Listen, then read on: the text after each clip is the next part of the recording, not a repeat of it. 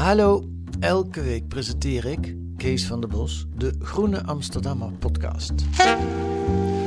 Het is een gesprek met een journalist die die week een spraakmakend artikel publiceert in De Groene. Waarom dit verhaal? Was het moeilijk om het te maken? Wat waren de uitdagingen? Wat brengt het ons? En wie is die journalist eigenlijk? Elke week een goed gesprek in de podcast van de Groene Amsterdammer.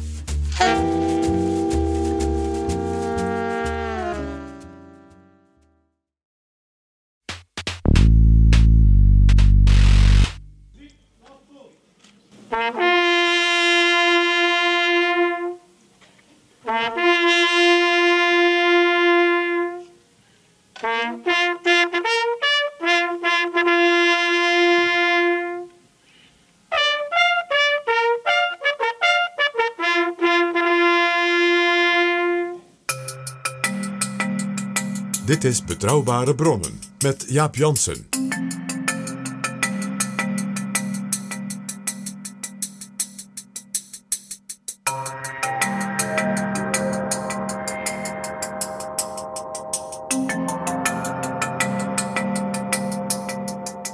Hallo, welkom in Betrouwbare Bronnen, aflevering 54.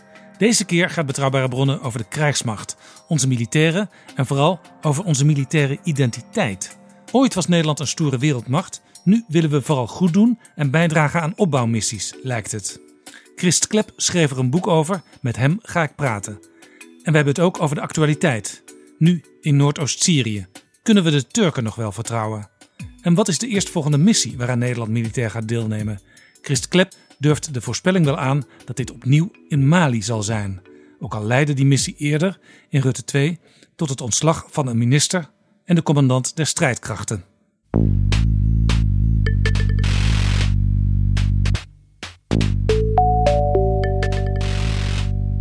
Dit is Jaap Jansen met Betrouwbare Bronnen. Ik ga praten met militair historicus Christ Klep, die een boek heeft geschreven over de Nederlandse militaire identiteit door de jaren heen, van wereldmacht tot braafste jongetje. Welkom in Betrouwbare Bronnen, Christ Klep. Dankjewel. Even de actualiteit. De Amerikaanse president Trump maakte deze week bekend dat de Verenigde Staten zijn troepen terugtrekt uit Noordoost-Syrië. En vrijwel meteen kondigt de Turkse president Erdogan operatie Vredeslente aan. Die is inmiddels van start gegaan. Er zijn ook al uh, doden gevallen. Nederland was van plan een eindje daar vandaan in Irak uh, een nieuwe missie te gaan vervullen, namelijk het leiden van een hospitaal. Maar dat komt nu ook door deze actie op losse schroeven te staan. Zeker, en dat heeft denk ik iets te maken met het onderscheid tussen, uh, ja, ik noem het maar even verplichte oorlogen. Hè, dus oorlogen die we zouden voeren in het kader van het bondgenootschap. En wat we, zo, wat we zo mooi noemen vrijwillige oorlogen. Dat is een, bijna een inherente tegenstelling zou je kunnen zeggen. Maar er zijn ook vrijwillige oorlogen. De, de, de wars of choice, zoals de Amerikanen zo mooi zeggen. Nou, die missie in Irak is typisch een war of choice. Hè. Dat kunnen we doen. Dat is een vorm van buitenlands beleid, zou je bijna kunnen zeggen. Uh, maar dat is altijd onderhevig aan de wars of necessity, de noodzakelijke oorlogen. En dit is er eentje van, Turkije. En uh, ik denk dat we uiteindelijk, gezien de uitstraling in de regio, de Nederlandse politieke belangen hier even ondergeschikt zullen maken aan wat er in de regio gebeurt. Dat denk ik dat zal gebeuren. Nou is het gekke, Turkije is een bondgenoot. We zitten samen in de NAVO. Hm. Maar we staan erbij, we kijken ernaar, we zijn heel erg boos en we kunnen eigenlijk niks doen. Nee, Turkije is altijd een, een, een, bondgenoot uit noodzaak geweest. Een ally of necessity, zoals, zoals we het ook wel noemen. Uh, dat kwam eigenlijk omdat we uh, zo de Grieken en de Turken een beetje uit elkaar konden houden. Bovendien was dan de, de zuidflank ook gelijk een beetje redelijk afgedekt. Een eerste buffer tegen een mogelijke aanval. Maar we hebben natuurlijk de Turken nooit echt binnen de NAVO als hele serieuze en hele betrouwbare bondgenoten gezien. Dat ze bondgenoot waren, dat was eigenlijk meer omdat we in de Koude Oorlog nog eenmaal in die regio een goede bondgenoot nodig hadden. En uh, ja, het hele verhaal bijvoorbeeld over wat de Turken nu doen met het aanschaffen van Russische luchtafweerraketten. Die bovendien zo modern zijn dat ze eigenlijk al het Amerikaanse materieel in, in de buurt daar, uh, ja, daar zouden ze lekker kunnen spioneren, lekker kunnen afluisteren. Er zitten sterke sensoren op die raketten. Ja, dat geeft wel aan dat de Turken op dit moment uh, bezig zijn om zich een beetje los te weken uit de NAVO en hun eigen regionale machtsbelangen af te lopen. Ik denk dat dat dat, dat aan de hand is. Maar u zegt al, de Turken die gaan gewoon hun eigen gang. Uh, toch zeggen wij als NAVO nog steeds die Turken die horen erbij. Ja, we hebben geen keus. Uh, omdat, en dat, is, dat zie je natuurlijk heel vaak in allianties. En zeker als dat militaire allianties zijn. Die eigenlijk hun fundamentele uh, noodzaak verloren hebben. Ik bedoel, Oké, okay, eh, de Russen zouden kunnen komen en ze zouden de Baltische Staten kunnen binnenvallen. Maar hun economie eh, van de Russen is niet veel groter dan die van Italië. Eh, ik, ik, ik denk niet dat ze het langer dan een maand zouden volhouden.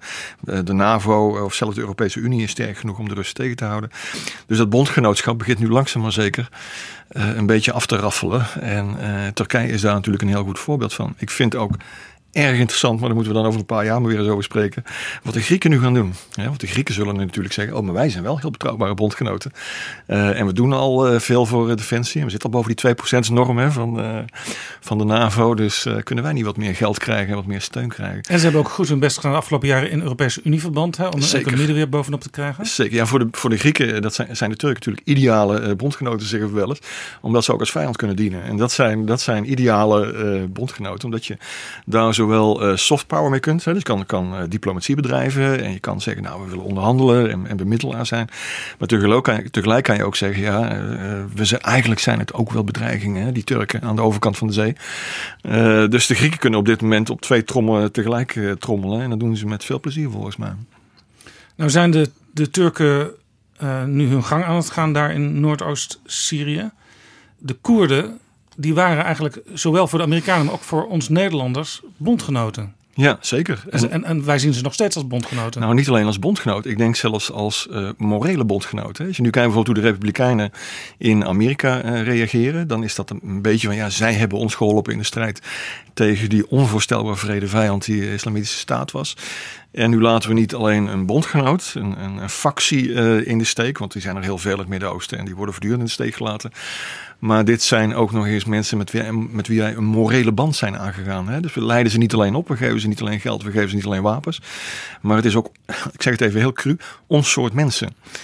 En uh, dat maakt het volgens mij voor ons extra moeilijk om dat te accepteren. En extra gemakkelijk om Trump hierover uh, te kritiseren. Maar ja, in Amerika, hoe je het ook bent of keert, uh, de president is de opperbevelhebber. En dat is hij nog steeds. En dat moet ook gerespecteerd worden. Dus je ziet eigenlijk een afweging tussen uh, zetten we de, in Amerika zetten we de staatkundige verhoudingen voort, zoals die uh, ontstaan zijn de afgelopen decennia. Of gaan we de president ondergraven op een moreel argument? dat zijn onze morele bondgenoten. En daar schikken de meeste republikeinen toch nog voor terug. En dat maakt de Amerikaanse reactie zo onvoorspelbaar. En zo ongelooflijk frustrerend, uh, denk ik. Ja. ja, Trump zendt ook heel wisselende signalen uit. Ja. Want hij liet eerst Erdogan min of meer weten dat hij zijn gang kon gaan. Vervolgens zei hij: Ik ga je economie kapot maken als je echt verkeerde dingen gaat doen. Ja. Uh, nu laat hij het alleen maar bij een soort zachte, zacht commentaar. En hij zegt er ook nog bij: Ach ja, die Koerden. Wat moeten we eigenlijk met die Koerden? Die hebben in 1944, 1945 niet eens ons geholpen om Europa te bevrijden. Ja. Dat is een beetje een raar argument. nou, het geeft wel iets aan over de historische kennis van eh, de Amerikaanse president. Um, en, en, en, en, niet alleen dat, ik bedoel, eh, los van het feit dat uh, Trump overduidelijk geen enkel inzicht heeft in wat de langere termijn strategische uh, gevolgen zijn, maar hij gebruikt nu van die echt van die, wat we dan zo mooi noemen, transactionele argumenten, weet je wel. Ja, maar uh, we hebben de Koerden de afgelopen jaar goed betaald. ze hebben gewoon ons werk uitgevoerd, zijn een soort werknemers geweest. En now you're fired, weet je wel. Dus nu, nu uh, daar moet je ook niet te veel over zeuren. Terwijl het probleem is. is. natuurlijk nog niet opgelost. Sterker nog, de Koerden houden duizend of misschien wel meer IS Precies. strijders gevangen. Ja het gevaar is dat die nu vrijkomen, die mensen. En, en, weer bijvoorbeeld terugkomen naar Europa. Absoluut. Spelen eigenlijk twee mogelijke gevolgen. Het eerste wat je al noemt is inderdaad de bewaking van, uh, van de kampen. Uh, dan moet je dus echt zien in de verhouding van ja, zeg maar duizend Koerdische bewakers op 10 of 20.000 uh, families van IS-strijders. Dus het is al erg, erg lastig. Um, het tweede is, ja, wat doen we nu met die Amerikaanse troepen? Dat zijn er weliswaar niet zo heel veel, hè, die langs de bufferzone zaten met, met de Turkse grens. maar het zijn wel kwetsbare troepen. Het zijn special forces meestal, dus hoogopgeleide troepen die ongetwijfeld ook zullen terugvechten als er, als er wat gebeurt. En nu horen we opeens van het Pentagon dat ze wat verder in het binnenland gestationeerd zullen worden in andere bases. daar zullen ze even kwetsbaar zijn als, als langs de grens. Dus het probleem wordt helemaal niet opgelost. En bovendien denk ik dat er op twee plekken ontzettend gelachen wordt. En dat is in Moskou. En dat is in de Syrische hoofdstad. Als er toch twee, twee grootheden zijn in dat gebied die hier enorm van profiteren. Uh, die ook nu een veel eenvoudiger speelveld hebben om op te spelen. Dan zijn het toch wel uh, Moskou en Assad, denk ik. Dus er is geen enkel, geen enkel voordeel, strategisch voordeel te bedenken wat Trump met deze actie heeft bereikt. Ja, want uh, Hafez el-Assad die denkt waarschijnlijk... die Koerden zijn een belangrijke tegenspeler van mij. Ja. Als de Turken zich nou met die Koerden bemoeien, dan heb ik er voorlopig geen last meer van. Precies, en natuurlijk is niets opportunistisch uh, vreemd in deze regio. Dus uh, delen van de Syrische Koerden hebben wel weer afspraken gemaakt met het regime, uh, enzovoort, enzovoort. Ehm, maar het grootste voordeel is denk ik voor Assad dat, wat ik net al zei, dat het speelveld veel eenvoudiger wordt. Uh, dit zal misschien ook wel de aanleiding zijn om dat laatste stukje gebied wat hij nog moet veroveren. Uh, de belangrijkste rem daarop, de Amerikanen, de aanwezigheid van de Amerikanen, die is nu ook verdwenen. Dus het zou zomaar eens kunnen zijn dat hij nu besluit om die laatste stap te zetten. Om dat laatste stukje soeverein, heen, zijn ogen soeverein Syrisch grondgebied, te gaan veroveren en daarmee eigenlijk de burgeroorlog tot een einde te brengen. Dan zou je heel cynisch kunnen redeneren. Zou je kunnen zeggen, oh, maar dat heeft Trump allemaal voorzien. Weet je? Hij heeft gewoon voorzien dat er weer een nieuwe Syrische staat komt en hij neemt daar een voorschotje op. Nou ja, het is al mooi als, als je Trump van enige strategie uh, beschuldigt. Ja, ja van, van inzicht in de strategische situatie. Ik, ik ben er langzaam maar zeker van overtuigd geraakt, nu we twee jaar naar die man uh, kijken, uh, dat hij werkelijk geen besef heeft van strategie. Bedoel, je kunt wel zeggen van hij heeft er niet zoveel verstand van.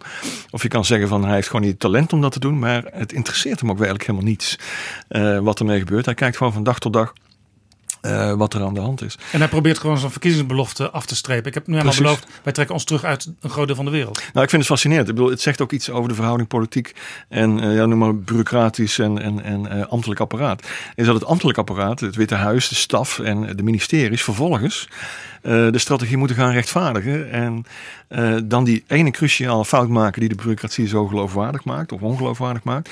Dat is dat er geen coherent beleid is. we zitten hier in Den Haag. Hier zijn duizenden mensen permanent bezig om een min of meer coherent uh, narratief, een boodschap naar buiten te brengen. het Witte Huis lukte dat niet. En, het is een beetje wat Jan Schaefer ooit zei. Is dit beleid of is er over nagedacht? Precies. Uh, en en uh, bovendien gaat het hier natuurlijk om, om mensenlevens. Het gaat om het ultieme machtsmiddel wat een staat heeft. En dat is uh, het eh, sturen van mensen in gevaarlijke situaties. Ehm, ja, dan zou je toch op zijn minst verwachten dat er enig coherent beleid is. Ja, nou komt eh, over enige tijd minister Stef Blok of minister Ank Bijleveld weer bijeen met de collega's in de NAVO. Ja. Uh, daar zit dan ook gewoon uh, de Turkse collega bij. Hoe, hoe, hoe, hoe gaat zo'n ontmoeting dan, zo'n eerste keer weer? Ja, ik denk dat, uh, dat er drie dingen zullen gebeuren. Dat is de klassieke stapjes van diplomatieke beleefdheid. En er zal ongetwijfeld een groepsfoto komen, enzovoort, enzovoort. Het tweede zal zijn dat men zal besluiten om datgene te doen wat men de afgelopen jaren altijd al tegenover Turkije gedaan heeft. En dat is beleefde openbare kritiek uh, uit, uh, gevaarlijke situatie. Uh, laten we het en we hebben onze zorgen overgebracht. Precies, en dan gaan we vervolgens over op de derde stap. Maar die gebeurt natuurlijk achter, achter gesloten deuren. En aan de overlegtafel is dat de Turken flink de oren gewassen krijgen. dat vooral de Grieken hun spreektijd zullen benutten. Omdat even, en veel Oost-Europese landen dat ook zullen doen. Die natuurlijk totaal geen enkele belangstelling hebben in een escalatie in dat, in dat gebied. Zeker niet op de Balkan. Dat is het laatste wat je wil. Um, en vervolgens, en dat zou dan misschien de vierde stap zijn, wordt het ingebed in hogere strategie. Dus er moet er wel een narratief naar buiten komen waar iedereen zich achter kan scharen. En dat zal ongetwijfeld zijn dat er eh, vredesinitiatieven komen en dat er overlegd zal worden. En, en, en er moet een vervolgstap gezet worden. Het probleem bij de vervolgstap voor de NAVO op dit moment uh, is dat de NAVO geen militaire opties heeft. Uh, dus anders, anders zou je nog wel kunnen zeggen van nou de Polen zijn lastig. Oké, we kunnen schuiven met hulp. Of we kunnen bepaalde wapensystemen wel of niet leveren. Of uh, we kunnen ze beloven wel of niet een militaire basis. Uh, wat de Polen heel graag willen. Een militaire NAVO-basis uh, op Pools grondgebied te stationeren. Die druk, die militaire druk, die materiële druk, die kunnen we niet uitoefenen. Tegenover, kan de NAVO niet uitoefenen. Tegenover de Turken.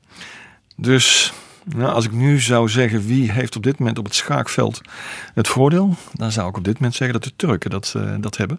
En dat de NAVO heel snel uh, een goede verdedigende positie uh, zal moeten gaan innemen.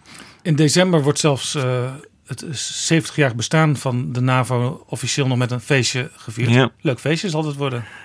Wordt, nou, ik, ik denk, um, ik, ik hoorde verschillende lange termijn diplomaten bij de NAVO wel zeggen, ja, so what's new?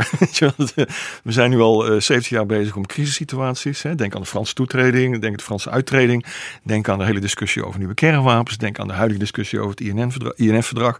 Denk aan de toelating van Oost-Europese landen die niet allemaal bleken te voldoen aan de normen die de NAVO stelt. Dus wil een gemiddelde NAVO-diplomaat die dan wat langer daar dienst doet, zal zeggen, ja, so what's new? Dit doen we gewoon elke dag. Dus ik denk dat dat wel uh, intern allemaal wel mee zal vallen. Er zit een hoge mate van continuïteit in die organisatie. Het probleem zal veel meer zitten in de boodschap naar buiten toe. Een alliantie als de NAVO, een militaire alliantie, drijft eigenlijk op die gezamenlijke vijand. Nou, die is er dus niet meer. En als vervolgens individuele leden dan ook nog eens een keer lastig gaan doen, dan wordt dat verhaal van waarom hebben we deze alliantie. Um, in de Koude Oorlog was dat allemaal niet zo ingewikkeld. Hele duidelijke militaire dreiging. Na de Koude Oorlog, dus de afgelopen 25 jaar, hebben we daar dat politieke verhaal opgeplakt. Hè. Dus ja, maar het is niet alleen een militaire organisatie, maar het is ook een politiek bondgenootschap. Het is een politiek-cultureel bondgenootschap. Het uh, bevordert de democratie in de wereld. Ja, op dat aspect wordt het wel heel erg lastig om dat verhaal na 70 jaar goed vol te houden. Maar het gekke is, Geef ik toe. de paradox is misschien dat uh, in de tijd van de Koude Oorlog met de Rus als de vijand, ja. Was er misschien wel meer stabiliteit in het beeld dan nu. Want nu is het allemaal veel meer hybride. Hè? Zeker. Uh, het ja. Midden-Oosten, de rol van Turkije. Uh, China op de achtergrond, die ook een steeds uh, belangrijke rol in de wereld speelt. Ja. Amerika die zich een beetje terugtrekt uit Europa. Zeker. Het is allemaal niet uh, eenvoudiger op geworden. Zeker niet. En dat, dat heeft ook, je ziet ook wel een hele interessante interne reflex binnen de NAVO, denk ik. En ook wel, dat merk je denk ik ook wel in Nederland, ook bij het ministerie van Buitenlandse Zaken en van Defensie, is dat men bijna driftig op zoek is naar een nieuwe vijand. En kijk bijvoorbeeld naar hoe het ministerie van Buitenlandse Zaken onlangs het buitenlands beleid en de bestedingen daarvoor gerechtvaardigd heeft. Uh, een fantastisch mooie Facebookpagina waarin een kaart staat van Europa en daaromheen een enorme grappig genoeg bijna op de islamitische halve maan lijkende uh, cirkel met grote rode pijlen richting, uh, richting het Europese vasteland. Wat waren die pijlen? Dat is terrorisme, dat is uh, de vluchtelingen en dat zijn de Russen. En dan kijk je goed naar die kaart en dan denk je, jeetje, waar hebben we het eigenlijk over? Weet je wel, oké, okay, duizenden vluchtelingen is een enorm probleem. Maar om dat nou af te beelden alsof de het voortbestaan van Europa op het spel staat. Ja, ja, je zou ook kunnen zeggen, het is impliciet misschien wel een oproep om toch tot een veel intensievere Europese defensie-samenwerking over te gaan. Dat zeker. En dan zie je vervolgens bij Defensie uh, dat ze zeggen: Nou, is hartstikke goed plan. en uh, dan weet je ook als, als een politicus dat zegt dat je moet oppassen, want dan komt er een komma maar. Uh, en dat is dat ze bij buitenlandse zaken, en ik denk zeker bij, bij Defensie op dit moment niet zo heel veel zien in, in een Europees leger. En dat heeft er alles mee te maken dat ze dan zouden moeten samenwerken met een aantal strategische partners. Nou, de Britten die zijn sowieso heel erg onbetrouwbaar gebleken. hoe ga je met hun überhaupt nog nog uh, samenwerken. Maar ik denk dat ze vooral problemen zouden hebben met uh, de Duitsers en met de Fransen. En dat klinkt heel tegenstrijdig, want we werken juist heel nauw samen met, uh, met de Duitsers. Maar als je wilt kijken naar de Fransen en onze ervaring met Mali bijvoorbeeld de afgelopen jaren, dan zie je dat toch dat de Fransen eigenlijk gewoon hun eigen buitenlands beleid voeren. Oké, okay, moeten we terreur gaan bestrijden in Afrika, dan gaan we dat gewoon doen. En als jullie mee willen, vinden we dat allemaal fantastisch. Ja, over Mali gesproken. Mm -hmm. uh, daar is een plan van minister Bijleveld om misschien toch weer daar uh, een missie naartoe te sturen. Ja. Dan weten we natuurlijk in het vorige kabinet uh, Rutte 2... daar is zowel de minister van Defensie uh, Janine Hennis... als de commandant der strijdkracht Tom Middendorp afgetreden... Ja. vanwege een ongeval met een mortiergranaat... waarbij twee militairen overleden, één ernstig gewond raakte. Daar kwam een onderzoek van de Onderzoeksraad voor Veiligheid naar. En ja, toen namen zij de, het besluit om, om te vertrekken. Mm -hmm. Er is ook heel veel twijfel geweest toen we daar nog uitgebreid zaten. Uiteindelijk met iets van 450 mensen. Mm -hmm. Bijvoorbeeld in 2016 Jelte Groen, de commandant van het korps commandotroepen... en de baas van het Defensie helikoptercommando Gerard Paulet... die bepleiten toen al terugtrekking. Ze, zei, ze zeiden, we zijn hier bezig onder ons niveau. Wat doen we hier ja. eigenlijk? En uh, Reinoud Sterk, uh, die daar ook geweest is en er een boek over geschreven heeft, die noemde het een poppenkast in de woestijn. Ja. En nu denken we dus weer erover om er naartoe te gaan. Ja. Ik denk dat, ik denk dat hier, uh, als je het samenvat, twee, twee mechanismen spelen. ten eerste, de afgelopen, pak een beetje, 25 jaar hebben we de krijgsmacht, bij gebrek aan beter zou je bijna kunnen zeggen, landsverdediging is niet meer zo belangrijk, uh, hebben we de krijgsmacht omgebouwd tot uh, wat ik wel als heel, een beetje cru misschien uh, noem, het uitzendbureau van Buitenlandse Zaken. minister De Beek zei ooit, ja wij zijn de, wij zijn de moeren en de bouten van, van het buitenlands beleid. Um, dat komt erop neer dat Buitenlandse Zaken zegt, ja het zou heel goed zijn als Nederland overal ter wereld, zelfs Mali, om, om een voorbeeld te geven, Afghanistan, daar, daar gaan we toe, naartoe naar de grote aanslagen eh, van 2001. Uh, eh, het jaar daarvoor uh, zie je eigenlijk dat niemand belangstelling heeft in Nederland voor Afghanistan. Het, de begroting wordt zelfs enigszins gekocht, de hulp aan Afghanistan. Een jaar later is Afghanistan zowat de, de, de allerbelangrijkste issue binnen de NAVO en ook voor het Nederlands buitenlands beleid. Dus het kan heel erg veranderen. Maar het is ook wel logisch dat buitenlandse zaken Natuurlijk. redeneert. Wij moeten op verschillende plekken in de wereld actief zijn, ook om te laten zien aan onze bondgenoten Zeker. dat wij meedoen omdat we uh, niet alleen een belangrijke economie in de wereld zijn, maar we willen ook laten zien dat we op andere uh, punten ons mannetje kunnen staan. Ja, en, en niet alleen dat. Uh, een argument wat in Nederland natuurlijk heel vaak gebruikt wordt, is dat het ook heel goed past bij Nederland. Hè, dus wij, wij zijn het land van, van recht en vrede, wij zijn het land van Den Haag, wij zijn het land van de internationale gerechtshoven. Wij zijn het land wat een behoorlijk partijtje meeblaast in de VN, een actieve diplomatieke dienst heeft wat dat betreft. Um, en, dan is het en dan is de redenering dat dat dus zeg maar ook moreel en principieel een hele goede keuze is. Maar, uh, laten we daar zo over verder praten. Mm -hmm. Maar even dat punt Mali, hè, dat, die plannen die er uh, nu zijn. Dat gaat nu om enkele tientallen commando's of mar mariniers die daar gaan trainen, adviseren en assisteren. Ja. Dat is dus een overzichtelijke missie, zou je kunnen ja. zeggen. Maar is Mali nog wel de juiste plek voor Nederlanders om naartoe te gaan? Ja, dat, dat, is, dat is een goede vraag. Omdat je dat uh, eigenlijk bij elke missie wel kunt vragen. Waar, waarom zou Mali uh, belangrijker of minder belangrijk zijn dan Afghanistan bijvoorbeeld? Of Kosovo? Ja, bij Kosovo zou je nog kunnen redeneren, oké, okay, dat is op de drempel van Europa. Uh, daar hebben we inderdaad nog wel wat te zoeken en dat valt nog wel te verkopen. Maar ehm, ja, ik zeg altijd van, als je dit soort missies uitvoert, nog even los van de overkoepelende vraag van hebben ze op de langere termijn zin? Want dat is natuurlijk een hele fundamentele discussie die ook in de wetenschap heel uitgebreid uh, gevoerd wordt. Van hebben militaire missies überhaupt een bijdrage bij statebuilding, bij het opbouwen van... Ja, dat is bijvoorbeeld ook steeds de vraag bij Afghanistan, Ja. waar natuurlijk eh, hele zware dingen gebeurd zijn en nog Precies. steeds gebeuren. Ja. Maar waarvan ook de angst is, eh, zodra eh, het Westen de rug heeft gekeerd, eh, is de Taliban weer aan de macht. Precies, en dat levert dan allerlei hele gevoelige vervolgvragen op. Namelijk dat je op een bepaald moment de vraag moet gaan stellen. Oké, laten we maar weer even heel cru zeggen. Er zijn 25 Nederlandse doden gevallen in, eh, in Afghanistan. en dat dan iemand op een bepaald moment de vraag stelt ja, en is dat dan de moeite waard geweest, die 25 doden? Eh, heeft dat enig nut gehad? Er zijn natuurlijk hele, hele gevoelige, hele principiële vragen. Dus spelen we dus eigenlijk een aantal dingen door elkaar. Dus dat morele aspect van, van wat voor offer wil je daarvoor brengen? Dat is het puur eh, eh, proces. Heeft het nut? Ja, Eh, nu komen we ook een beetje in de sfeer van het boek eh, Ja. terecht. Zeker. Van, want we hebben een krijgsmacht. We vinden het, blijkt ook uit alle opinieonderzoeken, belangrijk dat die er is. Ja. Eh, vroeger natuurlijk zeker in de Koude Oorlog, maar nog steeds wel. Alleen, als ik even het boek mag samenvatten. We weten als Nederland niet precies hoe we nou met die, dat, die defensie en die krijgsmacht moeten omgaan. Mhm. We zien ook nauwelijks mensen in uniform in het straatbeeld. Ja. Als er een crisis uitbreekt, dan zijn we ons ineens weer bewust van... oh ja, we hebben mensen en die kunnen we misschien wel naar dat crisisgebied toesturen. Ja. Ja, klopt. We hebben, we hebben eigenlijk eh, tegenover, eh, tegenover onze krijgsmacht gezegd: eh, oké, dus die hele fundamentele, die, de drie taken van de krijgsmacht is binnenlands, verdedigen tegen het buitenland en missies uitvoeren. De, nou, van die drie is eigenlijk de grondwettelijke taak het belangrijkste: dat is het verdedigen van het vaderland en meehelpen met onze allianties. Ja, we hebben twee, twee grondwettelijke taken tegenwoordig. Hè? Want die andere is het bevorderen van de internationale rechtsorde. Ja, bevorderen van internationale rechtsorde. Nou ja, dat, dat wordt een hele vage taak. Want wanneer bevorder je de internationale rechtsorde? Doe je dat door te overleggen of doe je dat met wapengeweld? Daar is de VN zelf natuurlijk ook nog helemaal niet, eh, niet uit wat de beste manier is om dat te doen. Eh, maar er komt nog wel een interessant argument bij namens eh, Buitenlandse Zaken ook. En dat ze zeggen, ja luister, je noemde het net zelf al een beetje. Het is dus ook een manier om politieke en diplomatieke invloed te verwerven. En dan voeg ik er nog eentje aan toe, op de langere termijn. Want wat is dan de redenering van Buitenlandse Zaken? Die zeggen, nou Ehm, we tonen aan dat we ons, ons mannetje eh, bijdragen, onze vrouw bijdragen. We, we, stoppen daar wat geld in. En dat zal dus op de langere termijn ook niet alleen diplomatieke invloed en politieke invloed leveren, maar het geeft ons ook de kans om bijvoorbeeld nieuwe mensen uh, op belangrijke posities uh, binnen de NAVO en binnen de Europese Unie en vooral ook binnen de VN te krijgen. Ja, we mogen weer een keer de Veiligheidsraad voorzitten. We Precies. krijgen misschien weer een keer een secretaris-generaal bij de NAVO, zoals Jan Scheffer was. Exact. En, en, en, militairen zeggen dan natuurlijk al heel snel, nou, is, is dat nou een reden? is, is dat dan de reden waarom, of een van de redenen waarom we dit soort uh, missies uitvoeren?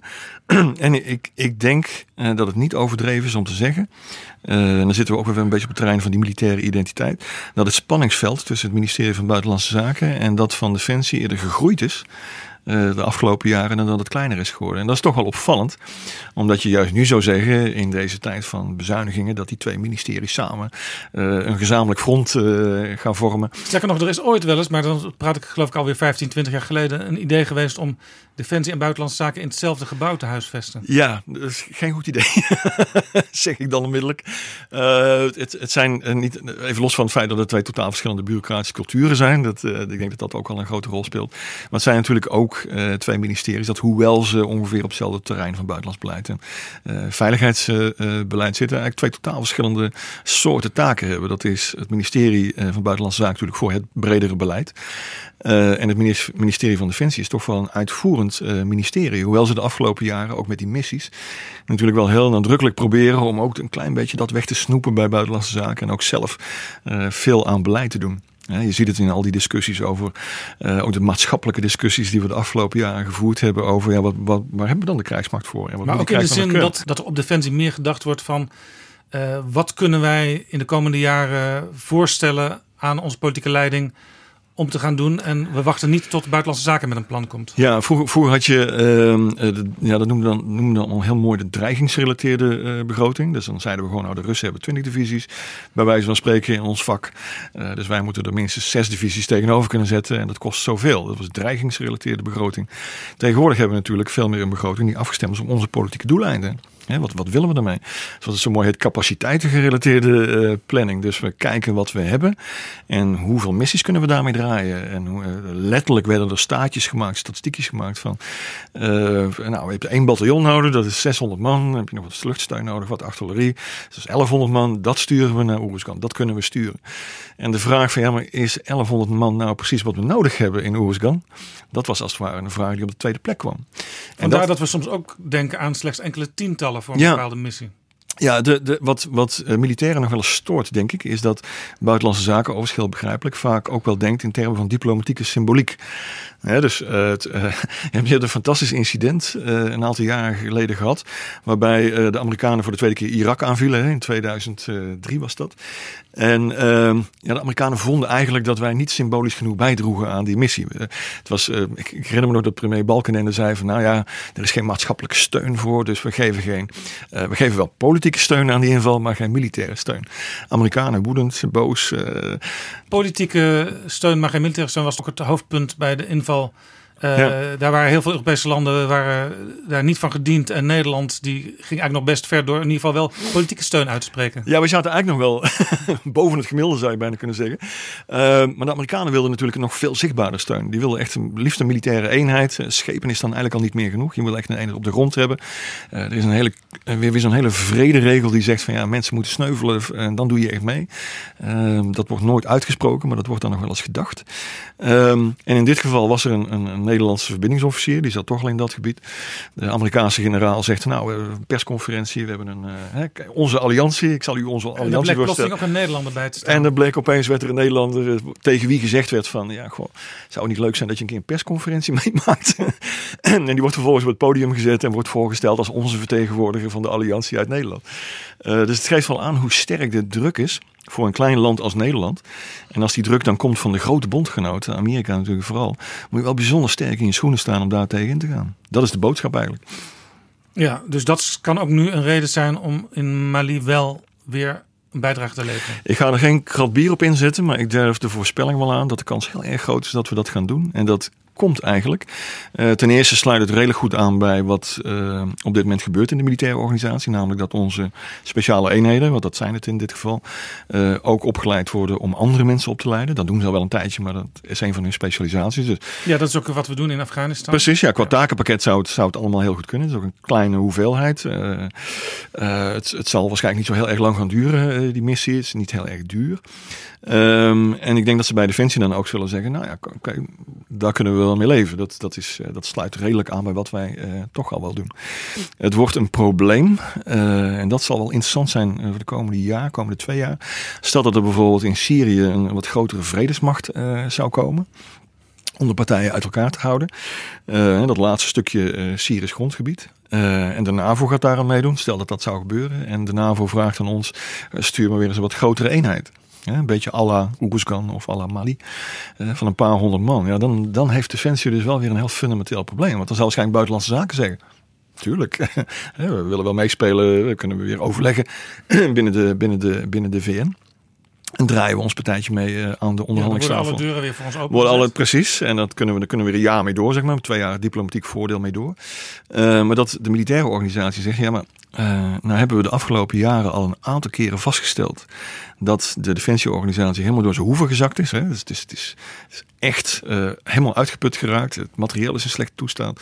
Uh, toestand. er zijn enorme personeelstekorten. Niet, niet een paar honderd, maar vele duizenden en vaak op hele cruciale functies. Een groot gedeelte van de krijgsmacht moet weer opnieuw uitgerust en geoefend worden.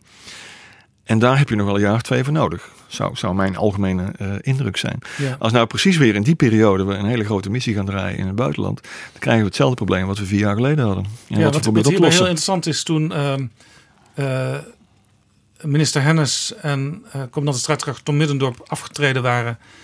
Toen werd Middendorp opgevolgd door Rob Bauer. Ja. En die zei bij zijn aantreden al, dat was heel opmerkelijk, want dat, dat hoor je eigenlijk nooit iemand op dat niveau op, dat, op zo'n moment zeggen. Hij kondigde eigenlijk al aan. Uh, ik zal nadrukkelijk nee zeggen als, ik, als mij een missie wordt voorgesteld. waarvan ik weet dat we die eigenlijk niet kunnen uitvoeren. Ja. Terwijl de traditie is toch eigenlijk, en ja, dat hoort ook zo in een democratie dat het militaire apparaat uitvoert wat de politiek besluit. Ja, en daar zie je wel een interessante ontwikkeling. En volgens mij is dat ook een goede ontwikkeling. En zegt het ook iets over de volwassenheid van een democratie. Klinkt misschien heel hoogdravend, maar ik denk wel dat het relevant is. De, de, de politiek-militaire verhoudingen zijn altijd gespannen. Ik bedoel, uh, de militairen vinden altijd dat ze veel te weinig geld krijgen. De militairen vinden altijd dat de dreiging veel groter is dan de burgers denken dat die, uh, dat die is. Uh, dus die zijn voortdurend bezig om dat politieke speelveld een klein beetje te bespelen. Maar dat lukt ze vaak niet heel erg goed. Nee, en dan vaak nog een onderlinge strijd tussen de krijgsmacht delen om Helemaal waar, ja. voor zichzelf meer te krijgen. Ja, we hebben een soort verdeelsleutel nog steeds. Hè, dat de landmacht krijgt ongeveer uh, twee, de marine één en uh, de luchtmacht ook één. Die verdeelsleutel is een beetje veranderd ook, omdat marechaussee er weer wat meer geld bij krijgt. Maar dat is ongeveer nog steeds wel, de, ik zeg af en toe wel eens, er wordt op het slagveld vaak minder hard gevochten dan hier in de ministeries tussen de krijgsmachtdelen onderling. Want het gaat natuurlijk, het gaat nogal ergens over. Hè. Het gaat over de Joint Strike Fighter, de 35, het gaat over onderzeeboten, nu de hele discussie weer. Het gaat over miljardenorders. Dus er staat ook nog wel op het spel. En dat kan ik me ook wel heel goed voorstellen. Die krijgsmachtdelen denken op de lange termijn. die, die willen toch vooral wel gevechtsvliegtuigen hebben. Omdat ze dan weten dat ze over 30, 40 jaar ja. dat nog steeds hebben. Ja. Goed, dat is allemaal heel begrijpelijk. Te weinig, te weinig personeel en ook te weinig middelen. Er wordt straks misschien weer zo'n vraag gesteld. Ja. Doe mee. Buitenlandse Zaken is tamelijk enthousiast. Ja. Uh, Defensie wil er ook al over denken. Maar dan zegt uh, de commandant van strijdkrachten zou het toch maar niet doen, mevrouw ja. Bijleveld. Nou, dan denk ik dat in een volwassen democratie, en laat dat dan de belangrijkste les zijn die we de afgelopen 25 jaar geleerd hebben in onze politiek-militaire verhoudingen, dan, uh, dan zou ik toch wel heel erg de minister adviseren om daar heel erg goed naar te luisteren. Uh, ik snap wel dat die discussie uh, niet altijd in de openbaarheid kan plaatsvinden tussen de uh, commandant en de minister. De minister is politiek verantwoordelijk en zal het laatste woord hebben. Dat, dat zo werkt dat in een volwassen democratie nu eenmaal. Maar ik zeg altijd van ja, Um, het, de, de, krijgsmacht is geen volksgezondheid. De krijgsmacht is geen snelwegen bouwen. De krijgsmacht, de krijgsmacht gaat uiteindelijk, oh, wat we dan zo noemen, dat ultieme offer. Dat je dus grote groepen, jonge mensen, burgers van je land um, in levensgevaar brengt. En bovendien, en ook dat klinkt weer heel erg rechtstreeks, dat weet ik wel, het recht geeft om te doden. He, er is geen ander apparaat binnen de krijgsmacht dat, zoals de Amerikanen zo mooi noemen, een license to kill heeft. Of ja, een, en toch is dat, dat, dat, dat is eigenlijk ook een beetje de kern van uw boek. Want als het gaat over wat Nederland in de wereld doet of Mhm. kan doen. -hmm. Eh, dan horen we hier in het parlement vaak ministers praten over een wederopbouwmissie. Ja. Maar militairen die zeggen onder elkaar vaak: ja, maar het is toch eigenlijk gewoon een vechtmissie wat wij gaan tuurlijk, doen. Tuurlijk. De term wederopbouwmissie, uh, wat wij eigenlijk gedaan hebben de afgelopen 25 jaar, is dat we op zoek zijn gegaan hè, naar nieuwe taken. Dat, uh, dat waren dan vaak wat we dan voor het gemak maar even vredesoperaties uh, noemen, dus niet gevechtsoperaties. Um, en langzaam maar zeker merkten toen we daaraan gingen deelnemen, of het nou was in uh, Joegoslavië, op de Balkan, of het was in Afghanistan, is dat daar ook wel degelijk vechtwerk bij komt kijken. Je kunt niet alleen maar een burgerlijke wederopbouwmissie hebben. Dat kan gewoon niet. Uh, dat zou heel mooi zijn, maar de lokale partijen willen dat vaak helemaal niet. En dus heb je een mate van uh, militaire dwang nodig. Iets wat de Amerikanen over het algemeen beter begrijpen. Los van het resultaat, maar dat is wat anders. Uh, beter begrijpen. De Britten begrijpen dat ook wel iets beter, denk ik. Maar wij zijn natuurlijk heel erg geneigd om die beroemde uitspraak uh, te volgen. het moet zo uh, uh, militair als noodzakelijk zijn, maar zo burgerlijk als mogelijk. Is dat wat, wat ze de Dutch approach noemen? Precies. En, en dat is iets, als we dat in het buitenland proberen uit te leggen, wat, wat veel landen niet zo heel erg goed begrijpen. dat is dat je militairen naar een gebied toestuurt met als belangrijkste wapen hun diplomatieke vaardigheden. De soldier diplomat, zoals, uh, zoals de Amerikanen zeggen. Um, als er dan één les is die we geleerd hebben de afgelopen jaren. Um, en dat is die beroemde discussie inderdaad van wederopbouwmissie of vechtmissie in Oeruzgan geworden. Hè, 2006, 2010. Um, is dat militairen de neiging hebben om dat dan af te ronden naar de militaire operatie. Dus af te ronden richting de gevechtsoperaties. En dat is natuurlijk heel begrijpelijk. Want ik geef je een heel simpel voorbeeld. Uh, er komt een diplomaat bij de militairen en die zegt uh, je moet daar een waterput gaan slaan. Ja, zegt de militair, maar los van het feit heb ik daar de mankracht voor. Het is wel een gevaarlijk gebied. Dus ik zou graag wel even een paar dagen tijd hebben om dat goed voor te bereiden en mijn mannen goed uh, de boel te laten verkennen. Ja, zegt de diplomaat, maar het moet morgen gebeuren. En daar zie je al op een heel klein stukje, dat heel klein terreintje, dat spanningsveld tussen politiek en militair. Wat ik af en toe wel eens zou willen, en dat geldt ook dus voor de commandant strijdkracht op het hoogste niveau, is dat er wat beter naar die militairen geluisterd wordt. En dat er gewoon gezegd wordt van ja, luister eens. Het is heel verleidelijk om op korte termijn met militairen hele zichtbare dingen te doen. Maar wat is het lange termijn effect? En ik denk dat Bauer uh, tijdens die toespraak, uh, toen hij zijn functie aanvaarde, daarop gehint heeft. En wat ik ook wel heel erg interessant vind, dat heel voorzichtig heeft gedaan. Dus hij heeft gewoon niet gezegd van ik sla hier op de lessenaar en het gaat gewoon niet gebeuren. Nee, die militaire cultuur hebben we niet. En die past ook niet in een, uh, in een moderne uh, democratie. Maar ik vond het wel heel interessant dat na 25 jaar dit soort missies, er eindelijk eens een keer een commandant strijdkracht is die er op zijn minst op hint. Dat vond ik al wel een hele stap.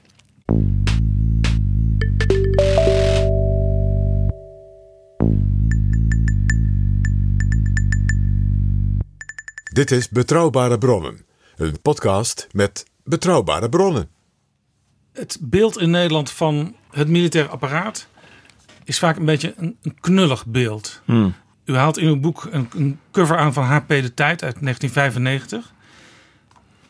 De titel was Te lief voor oorlog. En daar zag je een foto van Srebrenica. En dan vooral het moment vlak daarna, toen het glas werd geheven, omdat de meeste mensen toch veilig thuis waren gekomen. Althans, de Nederlanders. Uh, langharige soldaten uit de jaren 80, het gebroken geweertje. En vlak voor de Tweede Wereldoorlog, aan het begin daarvan, het korps wielrijders dat uh, ja. de vijand tegemoet reed. Ja. Dat is een beetje het beeld vaak. Ja, al bellend de vijand tegemoet reed. Nee, klopt, klopt inderdaad. Uh, wat, wat je ziet in Nederland is dat we, uh, en dat geldt wel voor meer landen denk ik, als je naar de breedheid van de militaire cultuur kijkt, uh, daar plak je ook een militaire cultuur op. Dus cultuur, dat is zelfs maar de beeldvorming die je hebt van je, van je militair apparaat. Ik geef in het boek het voorbeeld van de Meningpoort in Yper, waar, de, waar ik zeg even uit mijn hoofd, 70.000 of zo, um, inscripties zijn van gevallen die, die nooit gevonden zijn tijdens de Eerste Wereldoorlog. Um, soldaten van de Britse gemene pest. En daar sta je onder en dan kijk je om je heen en dan denk je, ja, je hoeft eigenlijk al niet meer te bewijzen wat de militaire cultuur is, want ik zie hem gewoon. Ja. Ik zie hem voor me en, en ik hoor... Elke dag de last post geblazen. Precies, om acht uur staat het verkeer stil en wordt de last post geblazen als een eerbetoon. En iedereen is stil en, en iedereen gaat met kippenvel naar huis. Die militaire cultuur hoef je verder niet meer te illustreren, die is er gewoon. In een land als Nederland uh, is dat wat moeilijker. Eh, omdat we natuurlijk, ja, zoals de, een collega uit Israël, Martin van Kreeveld, wel eens zei van ja, als je een goede militaire cultuur wil hebben, een geloofwaardige militaire cultuur wil hebben, moet je af en toe ook wel eens een keer flink vechten. En als het nodig is, ook een keer flink sneuvelen. Hij zegt het wat provocerend, maar er zit natuurlijk wel een, heeft er ergens wel een punt. En dat hebben wij natuurlijk de afgelopen anderhalf, twee eeuw niet meer echt uh, aan de lijve ondervonden. Nee, het gekke is dat daarvoor uh, was Nederland een, een wereldnatie Ja. die de zeeën overvoer. Ja, Koopmannen en kapers zou je ook ja, wat cynisch kunnen zeggen. ja. Uh, maar daar werden enorme slagen uh, gevoerd. Ja. En de helden van toen, uh, mensen als Michiel de Ruiter, uh, Koen Piet Hein en zo, die werden ook gebruikt bij de opbouw toen van het nationale zelfbeeld. Maar dan spreken we inderdaad eeuwen geleden. Precies. Um, en wat we eigenlijk, nou, pak een beetje sinds 1815, het ontstaan van, de moderne, van het moderne Nederlandse uh, koninkrijk, zie je dat er ergens wel gesneuveld wordt, maar dat is dan in de koloniën. En dat sneuvelen gebeurt overigens vooral door de tegenstander. Hè. Die, die, die, verhoudingen liggen ongelooflijk uh, scheef wat dat betreft. Uh, maar er wordt wel gevochten. En er wordt vaak stevig gevochten. En er wordt vaak heel vreed gevochten. Ik geef ik in het boek wat voorbeelden van. Uh, maar dat is iets waarvan het vaderland in Europa dan zegt van ja, maar daar, daar gaan we het niet, niet al te zeer over hebben. Oké, okay, dat is een beetje cru. Maar ja, dat is onze, onze kolonie. Indië verloren, rampspoed geboren. Ja, de, de historicus Piet de Roy die heeft daarover gezegd. Nederland was machtig, maar dan voorbij de Evenaar. En zedelijk binnen de landsgrens. Precies. Ja, we hadden overal het opgeven vingertje, behalve naar onze eigen militairen in in de koloniën, zeg maar. Wat ik fascinerend vind bijvoorbeeld is dat uh, de, de decolonisatiestrijd 45-49, waar nu opnieuw veel discussie over is, en die oorspronkelijk bekend stond als de twee politionele acties, intussen ook niet meer politionele acties eigenlijk genoemd mag worden, hè, omdat we daar een ander uh, moreel kader uh, overheen aan het leggen zijn. In zo'n cultuur is het ongelooflijk lastig voor het militaire apparaat om die militaire cultuur naar buiten te brengen. En ja, ik vat het in mijn boek een beetje samen door te zeggen: uh, we creëren helden en we creëren heldendom naar behoefte. Dus op het moment dat er helden nodig zijn, dat is dan vooral in de loop van de 19e eeuw bijvoorbeeld, als die moderne, dat moderne koninkrijk uh, vaderlandsliefde nodig heeft, dan gebeurt dat. Is het een periode waarin deugdzaamheid voorop moet staan? Ja, dan zie je opeens dat uh, de ruiter een, een, hele deugdzame vader wordt. He, die door de rangen omhoog heeft geklommen en die uh, volkomen loyaal is aan het, uh, aan het Nederlandse koninkrijk. En zo zie je eigenlijk elke keer weer opnieuw dat als we dan toch heldendom en helden creëren, dat we dan vooral doen op basis van de behoeften van, van die tijd.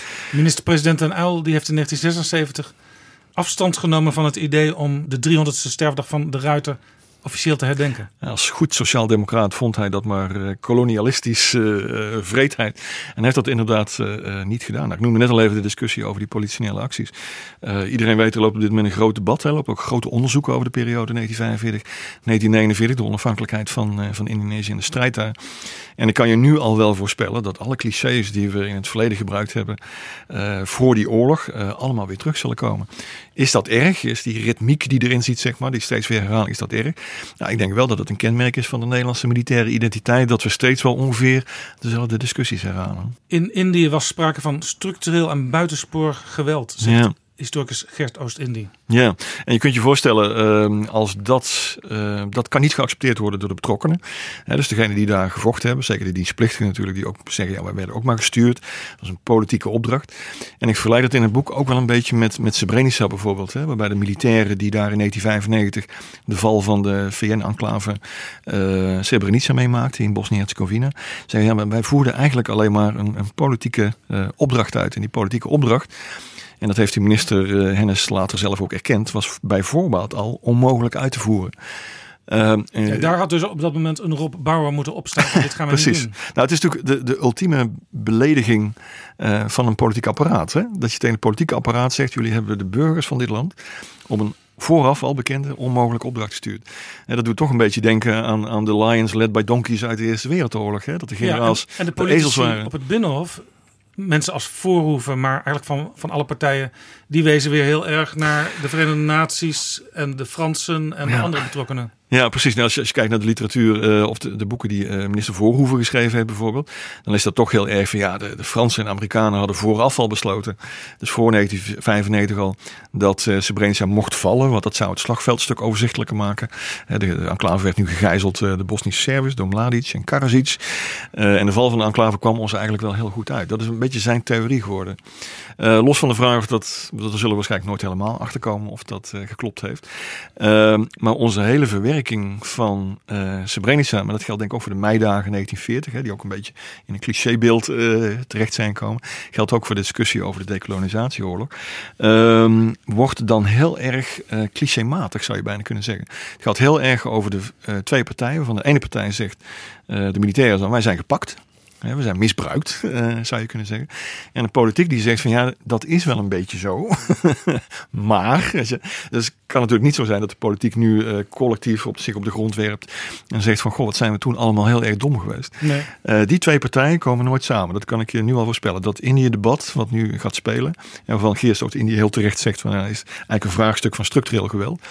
Uh, dat gaat geen keihard antwoord opleveren. Dat gaat geen ja of nee opleveren. Het punt is natuurlijk, als je met de ogen van nu kijkt, dan, dan zijn er inderdaad dingen gebeurd waar de honden geen brood van lusten. Mm -hmm. We weten bijvoorbeeld ook dat een, een jonge Colijn, de latere minister-president, uh, ja, die heeft ook nog uh, opdracht gegeven en erbij gestaan toen er vrouwen en kinderen, weet ik niet, maar in ieder geval vrouwen vermoord ja, werden. Zeker, ja. ja, dat kunnen wij nu eigenlijk dat past niet meer in ons denkraam. Ik denk dat waar je daarop duidt, is misschien wel uh, het belangrijkste probleem waarmee die mensen in Nederland worstelen, die wel vinden dat Nederland een militaire cultuur heeft en een militaire traditie heeft. En dan, dan wijs je inderdaad al heel snel op een staatse leger hè, van de Republiek, wat uh, onder Prins Maurits uh, een voorbeeld was voor, voor de rest van Europa, met de befaamde contramars. Ja, zowel de landmacht als de zeemacht was toen wereldleidend. Ja. art. State of the art zouden we tegenwoordig zeggen. Uit heel Europa kwamen mensen kijken. Hoe deed, uh, hoe deed dat staatsleger dat toch? Um, we, we, hebben een van de eerste uitvinders van de onderzeeboot. Dat zijn wij geweest. Weet je wel. We hebben allerlei militaire innovaties uh, doorgevoerd. Er zijn heel veel gevallen bekend. Uh, vaak ook trouwens in, buitenlandse krijgsdienst. Waarbij Nederland zich uitstekend weren. Iedereen kent wel de schoolplaat van de Berezina rivier. Waarin de Nederlandse genisten de brug slaan. Waardoor Napoleon kan ontsnappen uit de Russische veldtocht. Dus ik bedoel, voorbeelden genoeg van Nederlanders die uitstekend kunnen vechten. En die worden dan ook vaak aangehaald. Uh, zie je wel, we hebben wel een militaire cultuur, we hebben wel een militaire traditie. Het grootste probleem waar uh, die school, als ik dat zo mag noemen, die richting op dit moment mee worstelt, de afgelopen uh, nou, 30, 40 jaar, is dat we heel veel van die dingen, en daar duid je heel terecht op, in een moreel kader zijn gaan zien. En steeds meer in het kader van mensenrechten zijn gaan zien. Um, uh, nu wordt, als je kijkt naar heel veel historici die nu schrijven over de periode uh, 1945-1949, uh, dan wordt het toch veroordeeld. Hè? Dat is veroordelende literatuur. Dat is literatuur die eigenlijk zegt dat er heel erg veel oorlogsmisdaden gepleegd. De Nederlandse rechter heeft onlangs besloten dat dat niet mag verjaren, omdat de gebeurtenissen in 45, 49 zo ernstig zijn dat ze nog steeds juridisch vervolgd moeten kunnen worden. Ja, dat maakt het natuurlijk voor die school die zegt, goh, wat kunnen wij toch eigenlijk ook wel goed vechten. Behoorlijk lastig om dat te verkopen op dat ene argument. Dat het ook moreel goed was. Ja, maar het lijkt ook lastig voor een militair die op missie is, ook nu. Mm -hmm.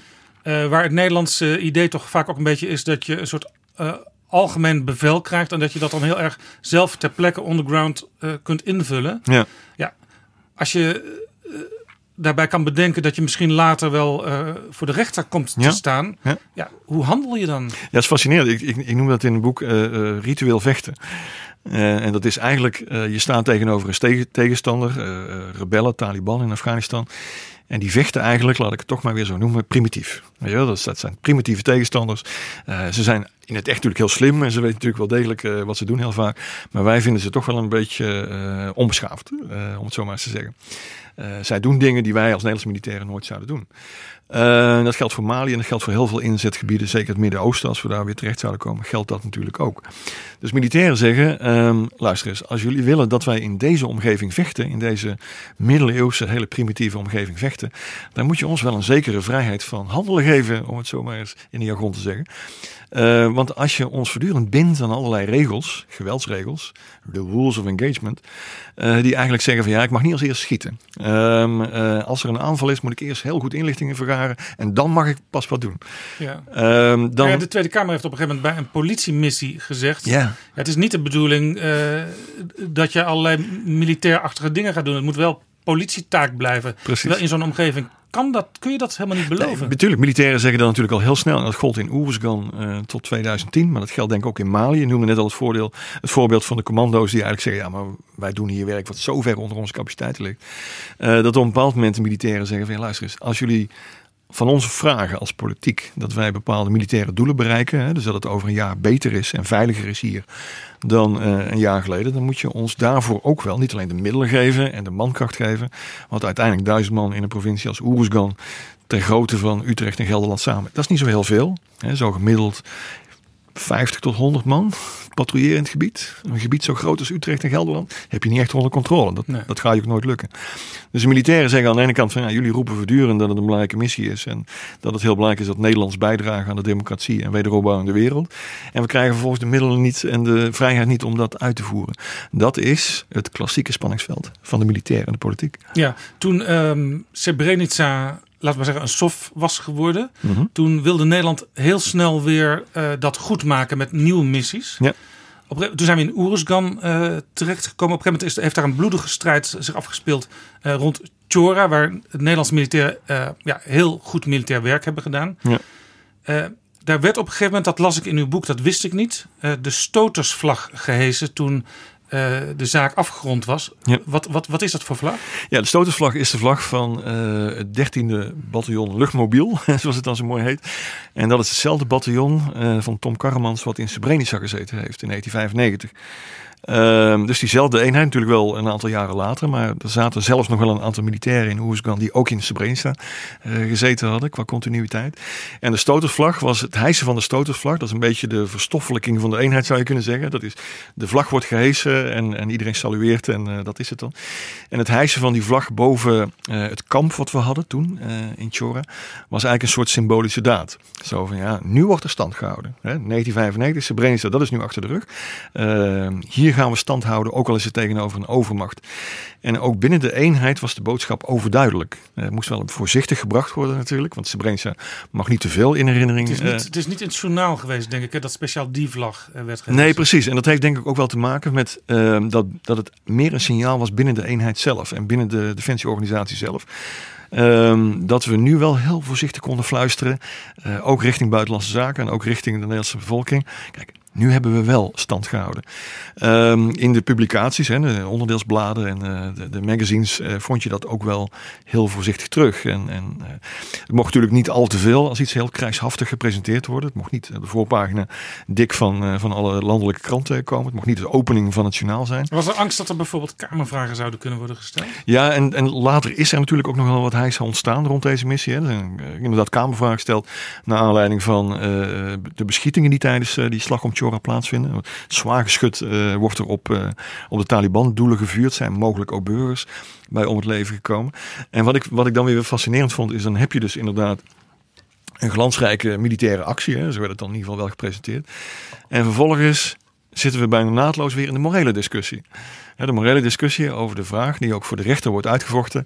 Van ja, maar er is ook met zware granaten geschoten tijdens die operatie, zijn mogelijk burgers geraakt.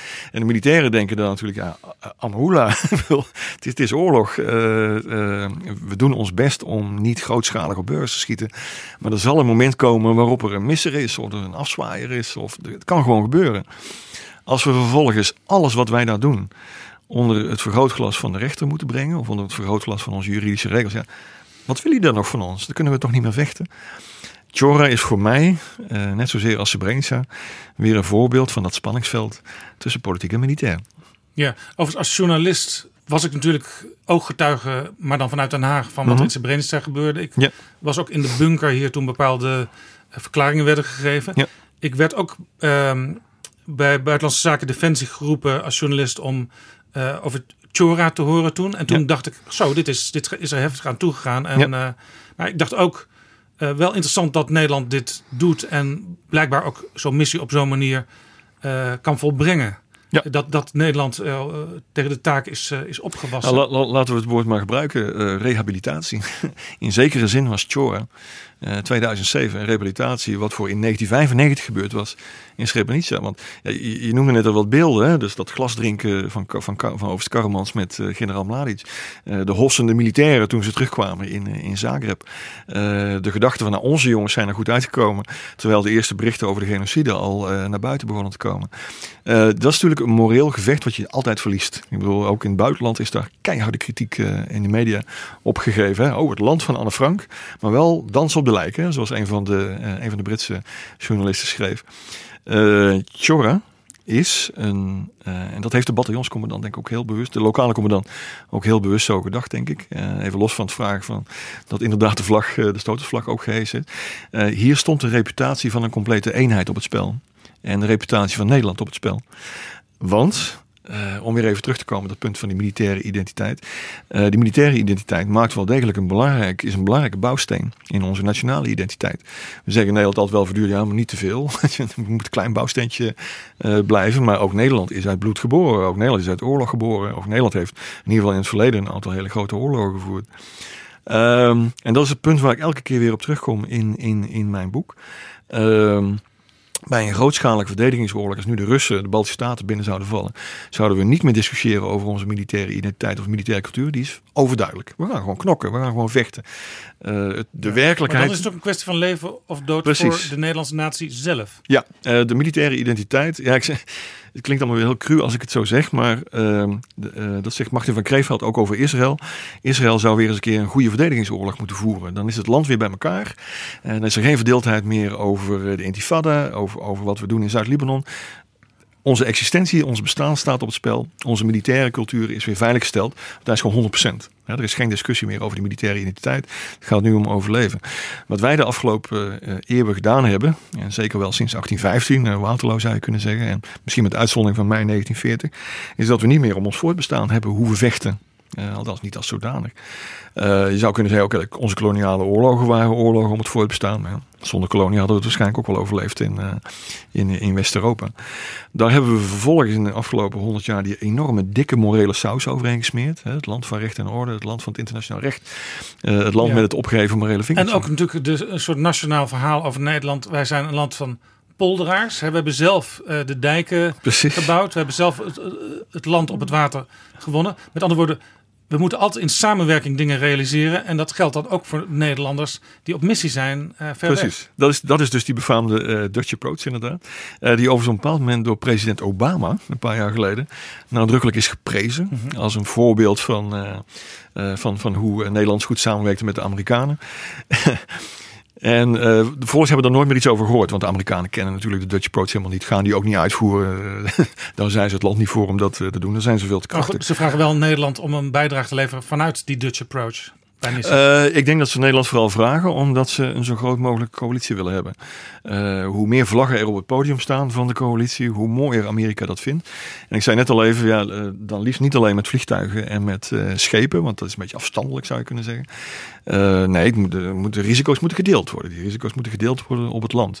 En dat is natuurlijk een klem en een druk waar Nederland niet makkelijk onderuit komt. Voorbeeldje uit de geschiedenis, 1950, Korea-oorlog begint. Noord-Korea valt Zuid-Korea binnen. Tot op de dag van vandaag hebben we daar last van. Um, en de Amerikanen die ingrijpen, Koude Oorlog, zeggen van ook Nederland moet meedoen. Uh, Nederland moet deel uitmaken van die coalitie. En Nederland biedt in eerste instantie een militaire ambulance aan. Ja, wij waren nog niet eens bekomen van onze koloniale Precies. toestanden. En wij vonden dat de wederopbouw, de economische wederopbouw, zeker zo belangrijk was. Dus in eerste instantie is Nederland in 1950 heel afhoudend. En, de Amerikanen willen graag een grote eenheid hebben. Een zichtbare grote eenheid op het slagveld. En wij zeggen, nou, we een militaire ambulance. Eventueel met bemanning. Hè. vonden we al een vrij rijk aanbod. Uh, en de Amerikanen waren woedend, waren ziedend. En die zeiden, one country is letting us down, the Netherlands. Uh, ja, stond er maar snel wel flinke bijdrage. Precies, en toen werd er een vrijwillige eenheid samengesteld, die we zijn gaan kennen als Korea-bataljon. En toen waren de Amerikanen wel tevreden. Ja. Als we nou kijken naar aan de ene kant wat militairen doen en wat militairen nodig hebben en het zelfbeeld van militairen. En aan de andere kant hoe wij Nederlanders vaak denken over defensie en het militaire apparaat. Mm -hmm. Dan zie je toch een tamelijk grote kloof. Mm -hmm. Die waarschijnlijk niet te overbruggen is.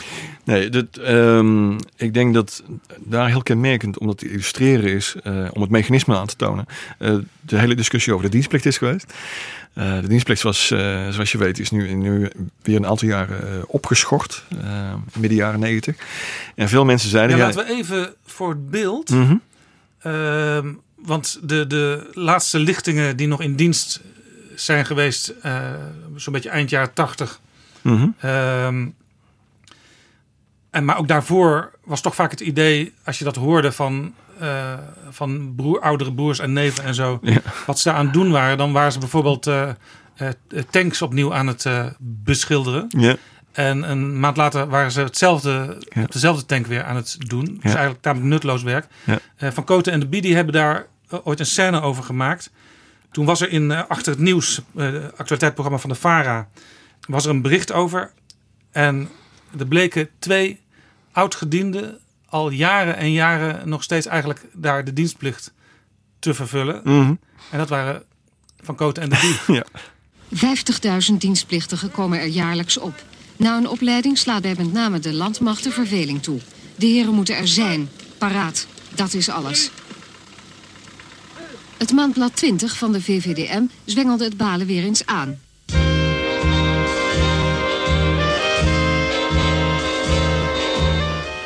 Hallo. Hey, hallo. Viel het een beetje op? Over de helft. Dat is mooi. Heb jij de tv gezien van de week? Wat hè? Achter het nieuws? Oh, over de landmacht. Ja, over eh, soldaten die er eigen vervelen bij de landmacht. Ja, over die jonge pikkies voor een nummer, ja. Dienstplichtige militairen die vervelen eigen bij de landmacht. Heb jij ooit verveeld? Ik niet, waarom had ik al nog zes keer bijgetekend? Mijn idee. Lichting 166. Oude stom staat hier hoor. Hallo. Oh ja? Hier zit toevallig 59-1, de haptrappen. Hey, felle! Nee, maar ze vervelen zich eigen omdat ze niet meer hoeven te blanco, hè. Omdat ze niet meer hoeven te poetsen? Dat ze de hele avond eh softe porno kunnen gaan zitten kijken in het eh, PMT. Ja, en omdat het vrede is. Ja, precies. Als het oorlog wordt, dan vervelen ze zich eigen niet hoor. Nee, maar ja, het wordt nooit geen oorlog Wordt meer, nooit geen oorlog meer. Toen wij erin kwamen, toen kon er nog oorlog worden, toch? Ja, en Niet wij dan? verveelden ons dus nooit. Nou, nou, je lekker de hele avond verplicht poetsen op de slaapzaal, lekker zingen. Eh, ik sta op wacht van Joop de Knecht. was het enige liedje wat je toen had. Meer had je toch niet? Ik sta op wacht. Zonder broek, zonder hem. En denk aan ja. En zonder broek, zonder hem. Ze vervelen zich. Ze moesten een oog uit de kop schamen. Nou, goed, je bent de hele dag in de weer in de landmacht van 9 tot 4. Maar daar krijg je toch voor betaald, niet dan? 1,35 kregen wij per dag. Moeten ze aan de lopende band gaan staan bij een fabriek. Hè? Of, ze, of ze de eigen dan niet vervelen, begrijp je wel? Plus dat ze de hele avond voor hun eigen hebben. Ja, Wat doen ze? Gaan de hele avond over een tafelvoetbal leggen hangen. Ja, Space Invaders spelen. Zo, Bij gebrek aan oorlog. het zit erop voor vandaag. De rechte achterband is schoon. Moet je eens kijken, het is half vier. Half vier? Dat ken je hoor. Dan tik je hem. Ik heb geen horloge bij me. Nou, dan mat ik je wel even. Ja, wil je? Ja, mat je wel even. Oh.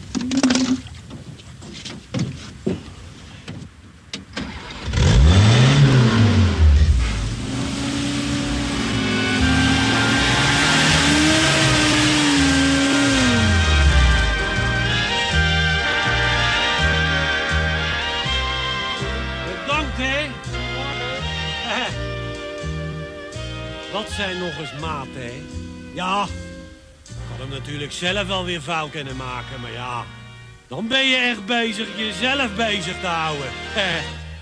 Dat waren Coat en Bie. En ehm, eh, ik zal even uitleggen, eh, als je het nog niet helemaal door hebt. Maar Bie die was eh, eh, een, een wagen aan het eh, aan het schoonmaken. schoonmaken. Ja, Schoonmaken. helemaal Ja, schoonmaken. Ja, ja. Maar toen bleek het pas eh, half vier te zijn.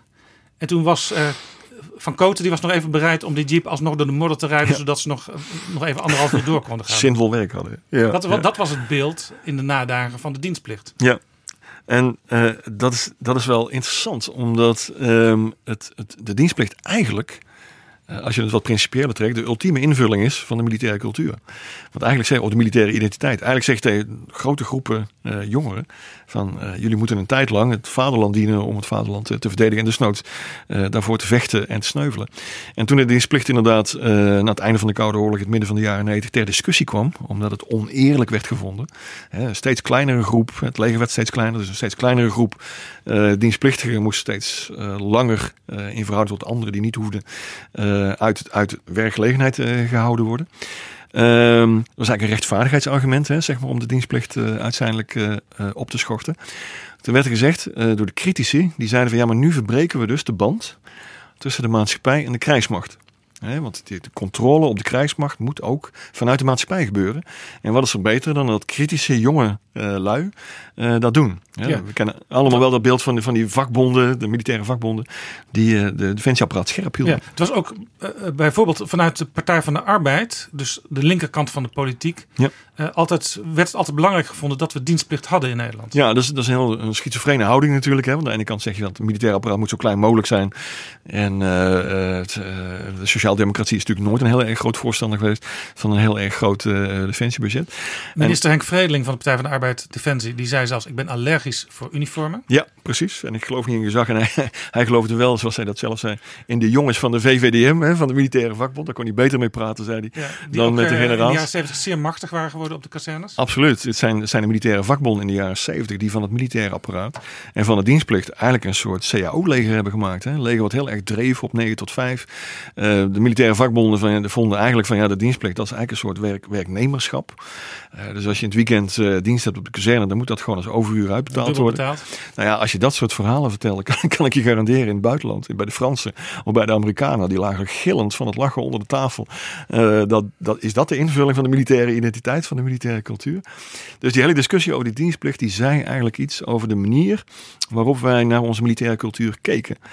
En het is wel interessant dat de krijgsmacht, eh, toen die dienstplicht werd opgeschort, zei van, oh, misschien dat dit ook wel een beetje een kans is om onze krijgsmacht weer wat krijgshaftiger te maken. Weet je wel, het is niet meer die langharige eh, dienstplichtige met een grote mond en die open jas. Ja, hoewel in de tijd van de langharige dienstplichtigen eh, Amerikanen en, andere bondgenoten toch ook wel vaak met veel waardering over de Nederlandse krijgsmacht spraken. Zeker, ja, we waren, we waren hartstikke eigenwijs, maar we wonnen wel vaak bij de schietoefeningen. Je hebt die beroemde anekdotes van, eh, van dat bij NAVO-oefeningen de Nederlandse dienstplichtigen naar andere eenheden toelopen en zeggen, dat moet je anders doen. Weet je, dat, eh, ik, bedoel, ik, heb, eh, ik ben werktuigbouwkundige ingenieur, ik weet echt wel hoe je zo'n brug moet bouwen, weet je. En dan zijn de Amerikaanse militairen sodemiet, erop.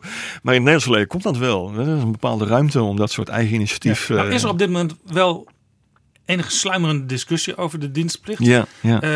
CDA-leider, hij is een tijdje geleden naar Leeuwarden gegaan, maar Hm. eh, Buma, die eh, was voor een soort algemene dienstplicht. Dat is Hm. nu in het regeerakkoord gekomen als een soort vrijwillig iets. Mhm. En dan niet militair op dit moment. Ja. Eh, Leo Beulens, die tot voor kort de chef van de landstrijdkrachten was, die zei in een afscheidsinterview in NRC eind augustus. ehm, ja, hij liet doorschemeren dat het best goed zou zijn om daar weer eens over na te denken. Om ook aan militaire dienstplicht te denken. Dus het, het sluimert wel een beetje. Ja, ik, ik noem dat altijd eh dienstplicht nostalgie. ja, dat is dat je, eh, een beetje wat jij net zei over eh, je, je broers en je ooms en je, en, je, en je neven die van die fantastische mooie verhalen vertelden over de dienstplichttijd. Hè. De slechte herinneringen worden al snel vergeten en de goede, dat het een tijd van kameraadschap was. En je kon met fantastisch mooi materieel over de heien rachen. Je moest het ook wel heel vaak schoonmaken, maar het was wel heel leuk om, heel leuk om te doen. Je maakte allerlei dingen mee. Je zag nog eens wat van de wereld, zeker als je bij de marine zat. Ehm, en daar is een soort dienstplicht nostalgie van blijven hangen. En die dienstplicht nostalgie, die komt er eigenlijk op neer dat de positieve aspecten van het militaire apparaat, en dat is die kameraadschap, die vriendschap, je leert nog eens wat, eh, je doet eh, belangrijk werk, en dat is blijven hangen. Maar er is één element wat ook heel sterk is blijven hangen.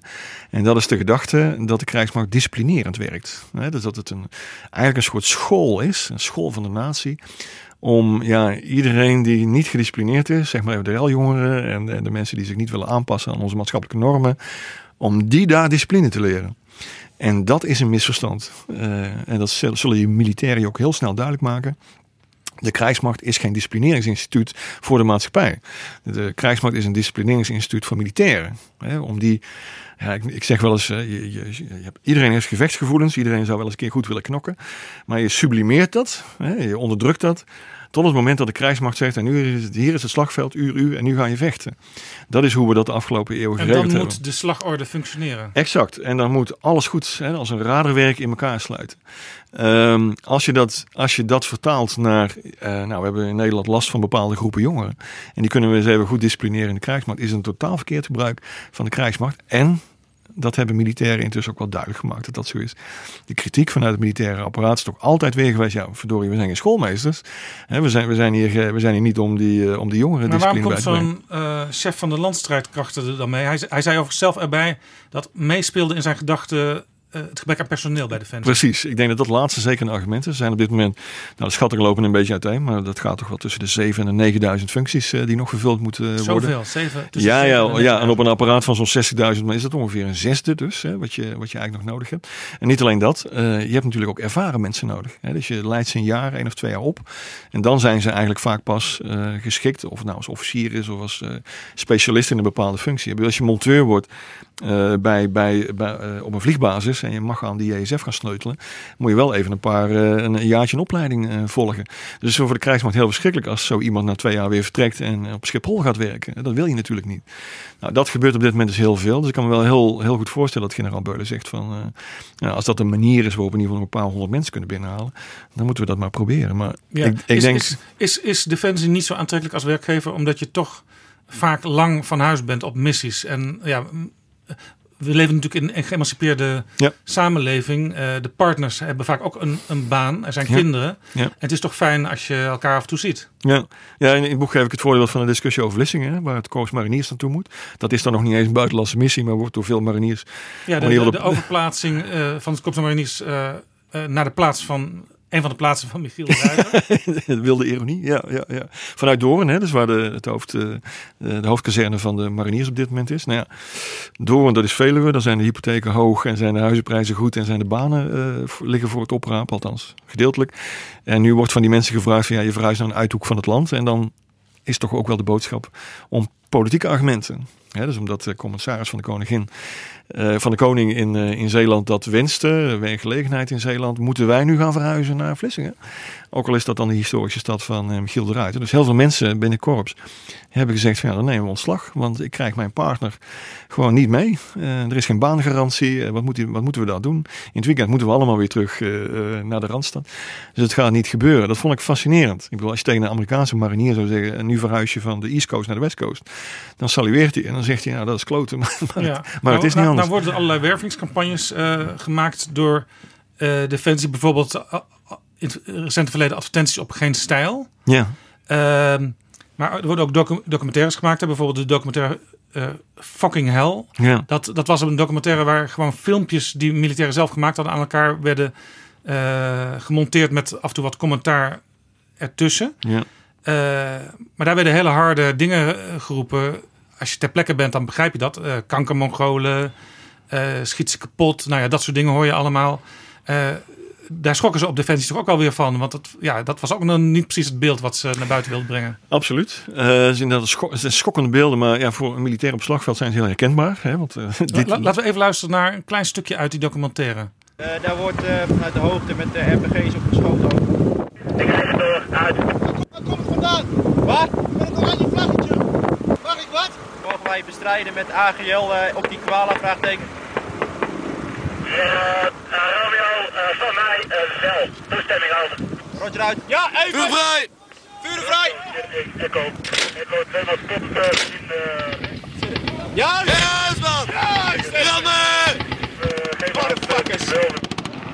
krijgt in ieder geval heel veel adrenaline. En, eh, tijdsbesef, eh, dat ging echt, eh, ja, niet. Er kon alles. Als zoiets gebeurt, dan eh, lijkt alles in vijf minuten, maar het duurt echt eh, uren.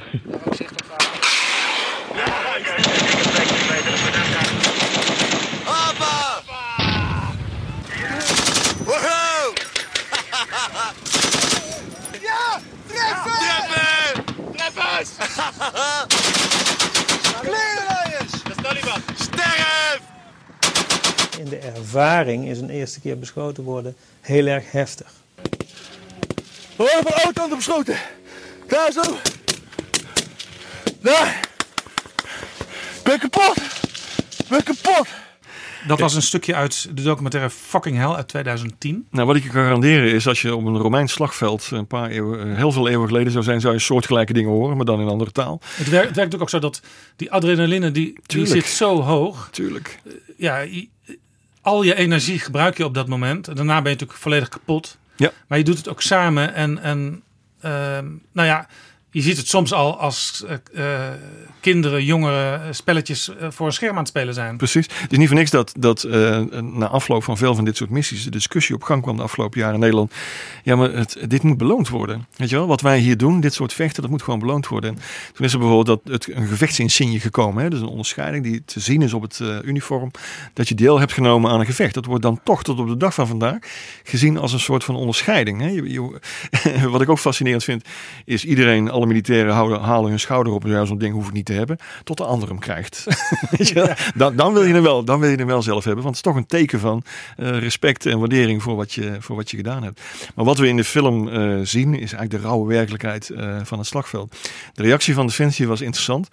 Uh, en dat kan ik me ergens ook wel voorstellen, want er wordt natuurlijk eindeloos gevloekt en geroepen en allerlei verschrikkelijke dingen gezegd die cultureel niet helemaal acceptabel uh, zijn om die hier in Nederland te roepen. Maar dat Defensie zei, we hebben eigenlijk niet kies. Het is niet eerlijk tegenover onze militairen om dit in al zijn primitiviteit uh, te laten zien. Want we hebben natuurlijk tegelijk ook wel een beetje het beeld, wat we net al zeiden, van de Nederlandse militairen als ja, beschaafd en bovengemiddeld goed uh, in het onderhouden van contacten met de lokale bevolking. En dan, verdorie, uh, roepen ze dit. Uh, dat, dat kan natuurlijk niet. Dus ik kan me de reactie uit PR-overwegingen van Defensie wel heel erg goed voorstellen. Maar zou het ook niet beter zijn geweest om het gewoon om te draaien en gewoon als ministerie van Defensie te zeggen: dit is dus de rauwe werkelijkheid van de oorlog. haal dit bij een praatprogramma naar voren, zet er militairen bij bij. En vertel gewoon wat er aan de hand is. En ik denk dat dan heel veel van de Nederlanders, mensen dat wat ik een beetje ervaar op de feestjes en de, en de bijeenkomsten en de congressen, is dat heel veel mensen zoiets hebben. Nou, het is wel rauw, maar het is wel de werkelijkheid. Ja. Die snappen ja, dat best wel. een keer een, een, een hele talkshow aan moeten besteden. Die mensen begrijpen echt wel dat, dat dit, dit de reactie is. Omdat ze, de meesten zullen het niet zelf meegemaakt hebben, maar ze snappen heel goed hoe jongens van 18, 19, 20 jaar reageren als ze voor het eerst in een vuurgevecht terechtkomen. Hè, om, een, om een voortbestaan uh, ja. moeten vechten. En dit zijn overigens weer andere jongens natuurlijk van die leeftijd dan uh, zeg maar de geëmancipeerde mannen die een jaar of vijf à tien ouder zijn en Ja. gewoon ook bij hun gezin willen zijn. Ja, de, de millennials enzovoort enzovoort. Hele, die hele discussie. Ehm, eh, nee, even, even wat ik fascinerend vond toen de dienstplicht overging in dat beroepskrijgsmacht, hè, die we nu sinds midden van de jaren negentig hebben, ehm, is dat ik zeg, nou moeten we wel voor één ding oppassen, zei Defensie. En dat is dat we Britse toestanden krijgen. En Britse toestanden, dat is een beetje de, de militair in uniform als hooligan. Dus eh, eh, ga maar eens gewoon naar een Britse leger of kazerneplaats in het weekend. En nou ja, je komt dingen tegen die we net in dat fragment ook wel gehoord hebben. Eh, maar dan zonder eh, wapens. Hè. Een, rauwe, eh, hoe zeg je dat, blanke pit, maar nog een rauw eh, uiterlijk. Ehm, en dat was iets wat wij in Nederland een beetje vreesden in de jaren negentig. Oh jee, als we nou maar niet zo'n soort leger krijgen, weet je wel. Van, jongens die zichzelf na vijf flink volgooien of de kazernekocht en klein slaan. Ja, daar zaten trouwens destijds ook Prins Harry en Prins William. Ja. Eh, en dat zijn eigenlijk meer de types zoals wij onze ideale schoonzoon eh, graag zien. Nou ja, als we kijken naar de hele discussie bijvoorbeeld over heldendom weer. En we kijken naar eh, de verschillende karakters die de militaire Willemsorde ontvangen hebben. Dan zie je dat uh, Major Tuinman, eh, dus degene die als tweede na Marco Kroon eh, die militaire Gijs Tuinman. Gijs- sorry, Gijs Tuinman. 2014. Als, eh, als, eh, als, eh, als commandant in, eh in Oersgan eh, zo'n de hoogste militaire onderscheiding krijgt. Dat die, vond ik heel boeiend, werd neergezet als een soort ideale schoonzoon. De Volkskrant schreef, ja, het babyvet zit er nog een beetje op, maar het is wel een killing machine. En dat is natuurlijk een ideale combinatie. Ja, daarna eh, had je ook nog 2018 eh, Roy de Ruiter. Ja. En die kreeg ook de Willemsorde. Ja. En toen zei minister Ank Bijleveld... er is nu ook nagedacht over de persoon zelf. een hele merkwaardige uitspraak eigenlijk. Ja, ja, die natuurlijk heel duidelijk bedoeld was, eh, ook richting de voorgaande eh, ridders militaire Willemsorde. En Ja, met hele- name Marco Kroon Precies, natuurlijk. hele bijzonder eh, Marco Kroon. eh, die, en we waren natuurlijk nog een beetje onwennig hè, toen Marco Kroon eh, voor het eerst een onderscheiding Wie heeft kreeg. eigenlijk bedacht dat die Willemsorde weer eh, opgepoest moest worden? Eh, het was toch vooral het, het apparaat zelf. eh, dus de, het waren de militairen zelf die zeiden van ja, we moeten nu langzaam zeker. Dat is zo zwaar gevochten, zeker door de commando's in Afghanistan. dat, dat ze zeiden, nou, er, moet- er moet iets van een onderscheiding komen. Dat is met gewoon niet met zichtbaarheid door met een hoge, ja, precies, met een hoge zichtbaarheidswaarde. Precies. ceremonie. Ja. Ehm, en de laatste was uitgedeeld in 1952. En de regering had eigenlijk gezegd van nou, deze militaire onderscheiding delen we niet meer uit. Want dat is zo hoog. Er moet zoveel voor gebeuren. En langzaam maar zeker zeiden de militairen, nou, wij voldoen toch wel aan de eisen. Dus laten we maar eens dat soort onderscheidingen weer gaan uitdelen. Eh, bij zo'n onderscheiding wordt natuurlijk wel vooronderzoek gedaan. En er wordt eh, heel veel eh, onderzocht over wat er precies gebeurd is op het slagveld. En wat de achtergrond is. Maar wat ik heel boeiend vond is, en we waren natuurlijk nog wat onwennig, zeker met Marco Kroon is dat hij ook werd neergezet als een soort eh allround hero, zou je kunnen zeggen. Dus niet, niet alleen iemand die goed had gevochten op het slagveld en een goede militaire commandant was geweest, maar gewoon ook een fantastische kerel was en, en, en, echt een Nederlandse held, hè, zoals die werd neergezet. Dus hij werd als het ware geframed als de ideale combinatie van schoonzoon en vechtmachine.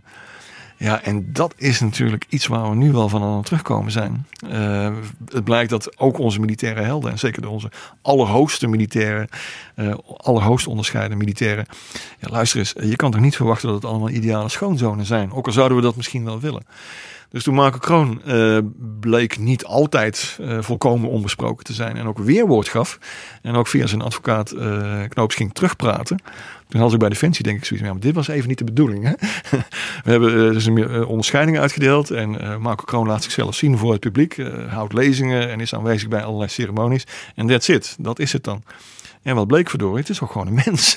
Het is ook gewoon een mens die functioneert in de, in de maatschappij. Ja, ja en hij was een paar weken geleden uh, in één vandaag. Uh, verslaggever ja. was toen bij hem op bezoek. Ja. En je zag dat hij apen trots was op alles wat met die militaire Willemsorde te maken had. Er stonden ook allerlei paraphernalia in zijn huis. Precies. Maar hij zei tegelijkertijd, als ik van tevoren had geweten wat voor ellende er allemaal op mijn dak zou komen daarna, dan had ik het geweigerd. In 2008 krijgt Kroon de militaire Willemsorde de hoogste militaire onderscheiding die er is. In de jaren daarna komt hij steeds negatief in het nieuws. Vermeende drugs- en wapenhandel vanuit zijn kroeg, vrijgesproken. De schimmige geschiedenis rond de ontvoering tijdens een geheime missie. En de beschuldiging van geweldpleging tegen een agent. Als ik nu alles opnieuw zou kunnen doen en je zet me terug op 14 december 2008, waarop mij de Willemsorde werd aangeboden, dan denk ik wel dat ik nee zou zeggen. Ja. Ja, het heeft me ook veel ellende gebracht. En uh, mijn complete droom uiteindelijk om bij het korps nog verder te, door te stromen... ja, dat, dat houdt op. Maar goed, uh, wat, je neemt een beslissing, je blijft erbij en dan maak je het beste van. Ik vond dat de perfecte illustratie van die dubbelzinnige militaire identiteit die wij hebben. Dus aan de ene kant uh, zijn we heel trots als we dan toch een militair hebben die gewoon meedoet met de internationale orde. Hè. Dus gewoon op internationaal niveau kan vechten en uh, gewaardeerd wordt. En ook vanuit Amerika heel veel uh, positieve reacties kwamen. En dan aan de andere kant, ja, maar zodra hij iets fout doet, dan branden we hem wel tot de grond af. En wordt hij ook een, een, een, iemand die door de media heel erg geframed wordt, wat dat betreft. Dus ik snap zijn reactie ergens ook wel. Nou, vervolgens, wat ik net al zei, is hij gaan terugvechten. Hij zegt gewoon ook in de media, heeft boeken geschreven, heeft, heeft interviews gehouden. Dus waar het ministerie van Defensie misschien gedacht heeft: Marco, hou jezelf nou even rustig. Zorg nou dat je een beetje uit de publiciteit blijft. Ja, deze, deze uh, Marco Kroon wil dat helemaal niet. En wat ik wel heel kenmerkend vond, is dat de laatste ridder militaire Willemsorde, dus Roy de Ruiter, de Apache-piloot, eigenlijk al vanaf het begin zei van nou ja, als het dan toch moet, dan, wil ik die, dan wil ik die militaire onderscheiding wel. Maar dan doe ik het eigenlijk vooral voor mijn kameraden en voor mijn militairen die ik uh, heb geholpen in de Oerskant. Een collectieve onderscheiding zou je kunnen zeggen. Ik, ik krijg hem dan toevallig. Maar hij zei ook heel nadrukkelijk, maar ik ben ook gelijk weer weg. dus hij, hij, ja. hij was een zullen hem niet vaak uh, aan tafel krijgen. Nee, er werden heel nadrukkelijk uitspraak, uh, afspraken over gemaakt. En hij was hij is instructeur, hè, is een helikopterinstructeur in het Midden-Oosten. En het eerste wat hij zei, nou, hoe eerder ik hier weer weg ben uit Nederland, hoe beter ik het vind. En dat geeft wel een beetje aan, denk ik, de evolutie en de harde lessen die we getrokken hebben. Vanaf de eerste, de tweede en de derde uh, ridder militaire Willemsorde. En Roy de Ruiter is daar natuurlijk een heel mooi voorbeeld ja, van. Ja, het blijft ook een beetje trial and error, ook vanuit ja. uh, Defensie, hoe ze met uh, ja, die band tussen krijgsmacht en burgers ja. moeten omgaan. Ja. Uh, het woord burgers, dat heeft in militaire context weer een heel andere betekenis. Hè? Want er wordt vaak gesproken over uh, nukubu. ja, ja. Wat is dat? Ik weet niet of ik het op de radio mag zeggen. Maar dat zijn uh, nutteloze kutburgers. En daar ben ik er zelf eentje van geweest. Uh, ik herinner me nog goed dat ik in militair uniform op werkbezoek was uh, op de Balkan. En dan krijg je geen baret op. Want een baret is een militair. Maar je krijgt wel rangonderscheidingstekens. Hè? Dus ik was in de rang van major was ik daar. En we stonden te wachten in de rij voor de kantine. En een soldaat, dus iemand die veel lager is in rang, draait zich om en die zegt: oh, heb je weer een toerist? ja. nog, een, nog een aardig woord. Precies. Nou, de, de, elk willekeurig leger, zeker het Amerikaanse leger, zou dan enorm afgerekend worden dat je dat soort dingen zegt. Maar in Nederland kan dat gewoon. Denk eens ook zo over uh, de koning, over Willem-Alexander, want die draagt wel bij sommige gelegenheden een uniform. Mm -hmm. Maar er mogen weer geen onderscheidingstekens op. Nee, dat is fascinerend. Dat is, dat is een heel goed voorbeeld uh, dat je dat noemt. Want uh, ik denk dat hij uh, heel goed het midden heeft gevonden tussen die militaire identiteiten. Eh, wat hij namelijk gedaan heeft, is dat hij aan de ene kant gezegd heeft: van ja, als koning kan ik natuurlijk geen opperbevel meer zijn. Of ik, dat, dat past niet in onze eh, staatkundige eh, regelingen. Maar ik wil wel betrokken blijven. Dat was slim van hem. Ik wil wel betrokken blijven. Dat is natuurlijk zelf oud-militair. Door alle rangen opgeklommen. Ik wil wel betrokken blijven bij de krijgsmacht. Dus bij militaire ceremonies zal ik wel in uniform verschijnen. Maar het is eigenlijk een non-militair uniform. Hè? Dus de, de rangonderscheidingstekens zitten er niet op. Maar dat nemen ze hem niet kwalijk, de, de, de gewone militair. Nee, voor de buitenwereld zal dat misschien een, een- af en toe een beetje raar overkomen. Ook als we hier bijvoorbeeld in Den Haag bij Veteranendag zien, hè, het défilé afnemen. Dan moeten we steeds bedenken van ja, maar hij staat er eigenlijk niet als militair. Hij staat er als koning in iets wat wel heel erg op een militair uniform lijkt. Eh, maar hij heeft ook gewoon een generaalspet op of een admiraalspet eh, op. Maar hij heeft geen rangonderscheidingstekens. Dus hij is niet herkenbaar als generaal of als admiraal. Maar hij heeft de koninklijke disting, eh, distinctieve, zoals het dan zo mooi heet. Dus de Rijksappel bijvoorbeeld, die heeft hij dan wel op zijn uniform. Eh, maar we moeten elke keer weer nadrukkelijk erbij zeggen: het is eigenlijk geen, geen, hij heeft geen enkele militaire functie op dat moment. Omdat dat in ons politieke bestel niet kan. Het opperbevel, dat ligt bij de regering. Het oppergezag ligt bij de regering. Maar ik vind wel dat hij zo slim is geweest om toch eh, te zeggen: van nou ja, uit respect voor de krijgsmacht, waar ik zelf ook een carrière in heb gemaakt, eh, doe ik dat. En ik denk dat de meeste militairen, wat ik er zo van hoor, dat ook wel behoorlijk prijs stellen. Ja, ja zeker. Ja, een aantal jaar geleden werd er gezegd, ja, vanwege de terroristische dreiging is het misschien niet zo verstandig om nog in uniform eh, op straat te lopen. Eh, toen is ook een soort, je mag het niet zo noemen, maar een soort uniformverbod eh, uitgevaardigd. Ja. Inmiddels is dat verbod tussen aanstekens en niet meer. Mhm. Maar ik zie nog maar weinig mensen in uniform op straat. Ja, ja want op het begin is het natuurlijk fascinerend waarom dat uniformverbod, wat geen uniformverbod heten, eh, dan toch is ingesteld. Namelijk inderdaad de dreiging van terreuraanslagen vanuit, eh, vanuit Syrië. Ehm, het was, zoals je heel terecht zegt, geen expliciet verbod. Het was een aanwijzing. Maar ja, eh, een militair snapt ook wel, als ik een aanwijzing krijg van de politiek, dan is dat een bevel eigenlijk in de praktijk. Eh, en de gedachte was inderdaad dat je met je militaire uniform mogelijk geweld zou uitlokken. Wat natuurlijk een fascinerende redenering is. die in België en Frankrijk totaal zo niet gevolgd wordt. Hè, waarin juist gezegd wordt van nee, juist militairen op straat. Juist militairen in uniform op straat. Omdat we willen laten blijken dat we als maatschappij lak hebben aan die terroristische dreigingen. En daar gewoon tegen ingaan. We kijken die dreiging recht in de ogen. En zeggen van hier ben ik met mijn uniform. En in Nederland wordt dan gezegd van nou, ja, als militairen op weg zijn van hun huis of van een kazerne naar een andere plek of eh, op de kazerne is het natuurlijk geen probleem. Als je hier eh, van het ministerie eh, even snel naar een ander plekje wil in Den Haag, dan zal het uniform ook nog wel kunnen. Maar je zag opeens allerlei militairen met rugzakken, met een militaire uniform op het werk arriveren. En ja, mijn indruk was eh, dat ze dat eigenlijk ja, misschien ergens wel begrepen. Maar dat de meeste, en zeker de militaire vakbonden, ook zeiden: maar ja, dit, dit kan toch eigenlijk niet. Ik bedoel, eh, los van, ik zal het afkloppen, maar los van de hele kleine terroristische dreiging die er dan toch is. Ehm, is dit niet gewoon een on- ontkenning van de militaire functie? Is dit niet gewoon een ontkenning van de rol van militairen binnen de maatschappij? De zichtbare rol van militairen binnen de maatschappij? Is dat niet een heel klein beetje eh, overgave eh, richting eh, die terreur? Dat zijn allemaal hele principiële vragen die samenkomen in dat vraagstuk van het militaire uniform. En wat ik nog helemaal fascinerend vind, is dat het nu eigenlijk weer is teruggedraaid. Gedeeltelijk met het argument dat de minister zegt van ja, het is eigenlijk wel goed dat er weer meer uniformen op straat komen, wat is goed voor de werving. En toen was ik hem kwijt. Ja. toen kon ik de logica van de redenering niet helemaal meer volgen. Ik denk dat het een beter was geweest als we überhaupt geen uniformverbod hadden gehad, denk ik. Ja. Binnenkort is in de Tweede Kamer weer de begrotingsbehandeling van Defensie. Ja. Daar wordt nu sinds een paar begrotingen eh, elke keer wat geld bijgeplust. Ook omdat Nederland wel erg achterloopt bij de NAVO-norm, waar toch eigenlijk het idee is van elke lidstaat moet ongeveer 2% tenminste van zijn bruto nationaal product aan defensie besteden. Ja. Eh, President Trump roept daar ook regelmatig toe op, maar zijn voorganger Obama deed het ook al. En dit is ook een van de dingen waarvan bijvoorbeeld minister-president Rutte zegt, daar heeft Trump ook volstrekt gelijk in. Ja. Eh, we zien dus nu, zeg maar als burgers, dat de politiek defensie weer langzamerhand weer wat belangrijker Mhm. vindt. Mhm. Nou is het wel zo dat als je naar kabinetsformaties kijkt, en dat is al tientallen jaren zo, dan is vaak eh, de vraag wie dan minister van Defensie wordt, is ongeveer de laatste vraag die beantwoord wordt. Ja. En eh, vaak is het ook iemand die helemaal geen enkele eh, ervaring heeft met defensie, zelfs niet met buitenlands beleid. Ja. Dat is wel een raar beeld wat eigenlijk door de politiek dan eh, bevorderd wordt. Ja, het is niet het makkelijkste ministerie. En dat heeft natuurlijk ook wel simpelweg te maken met wat er de afgelopen jaren gebeurd is. Hè? Met aan minister Voorhoeven kleeft Srebrenica.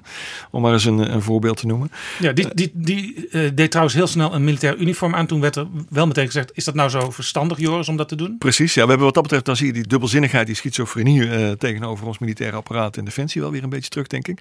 Je hebt eigenlijk de keus. Zoals we voor de Tweede Wereldoorlog deden om een kenner op het uh, ministerie te zetten. Gewoon iemand met een militaire achtergrond.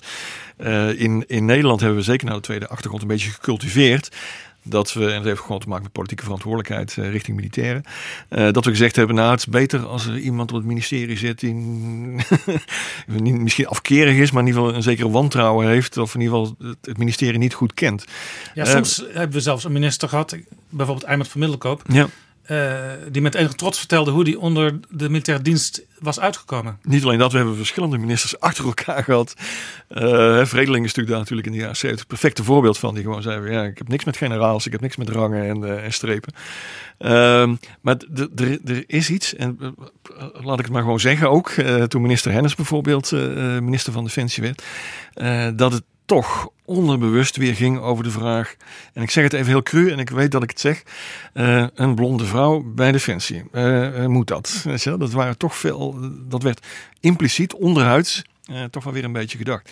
Uh, dan denk ik nog steeds uh, dat dat vanuit de politieke controle op het militair apparaat in ieder geval veel beter is dan wanneer een ijzervreter uh, als hoofd van het ministerie zou hebben. Want die zou het er ook niet heel erg lang volhouden, denken. Want die zou heel snel tegen de ja. grenzen aanlopen. Inmiddels hebben we trouwens weer een vrouw op Defensie. Ja, nou, en nu, nu, is het gewoon geworden, denk ik. Ja, het is gewoon geworden, maar het geeft wel aan dat wij, en nogmaals, dat geldt voor bijna alle democratieën wel, alle moderne democratieën wel, dat we vinden dat dat militaire apparaat en het defensieapparaat van een ambtelijke functie is geworden, een politiek ambtelijke functie is geworden. Uh, de, de gedachte dat het ministerie geleid moet worden door uh, een, een, militair met heel veel verstand van zaken. Uh, daarvoor vinden we dat militaire apparaat, en dat is ook wel heel begrijpelijk binnen een democratie, dan uiteindelijk toch weer hè, te gevaarlijk en, en, en moet wel heel erg onder controle worden gebracht.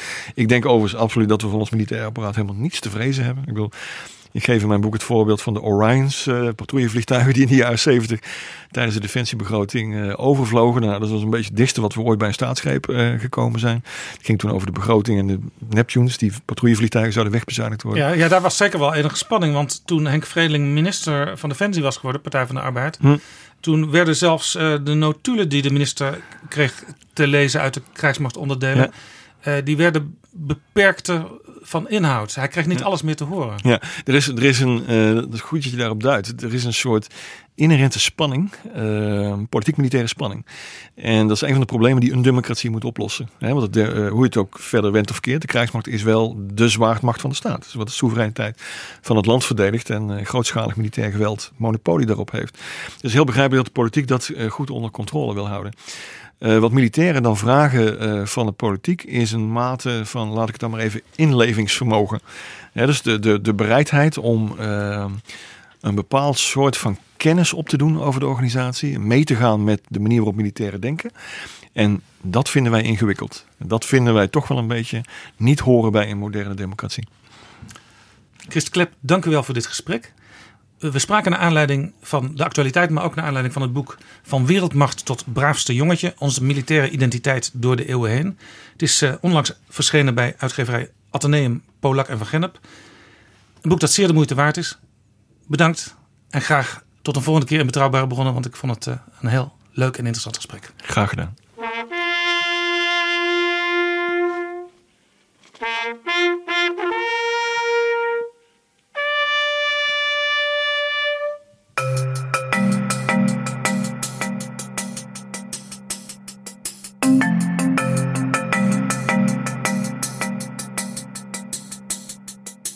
Zo, dit was Betrouwbare Bronnen, aflevering 54.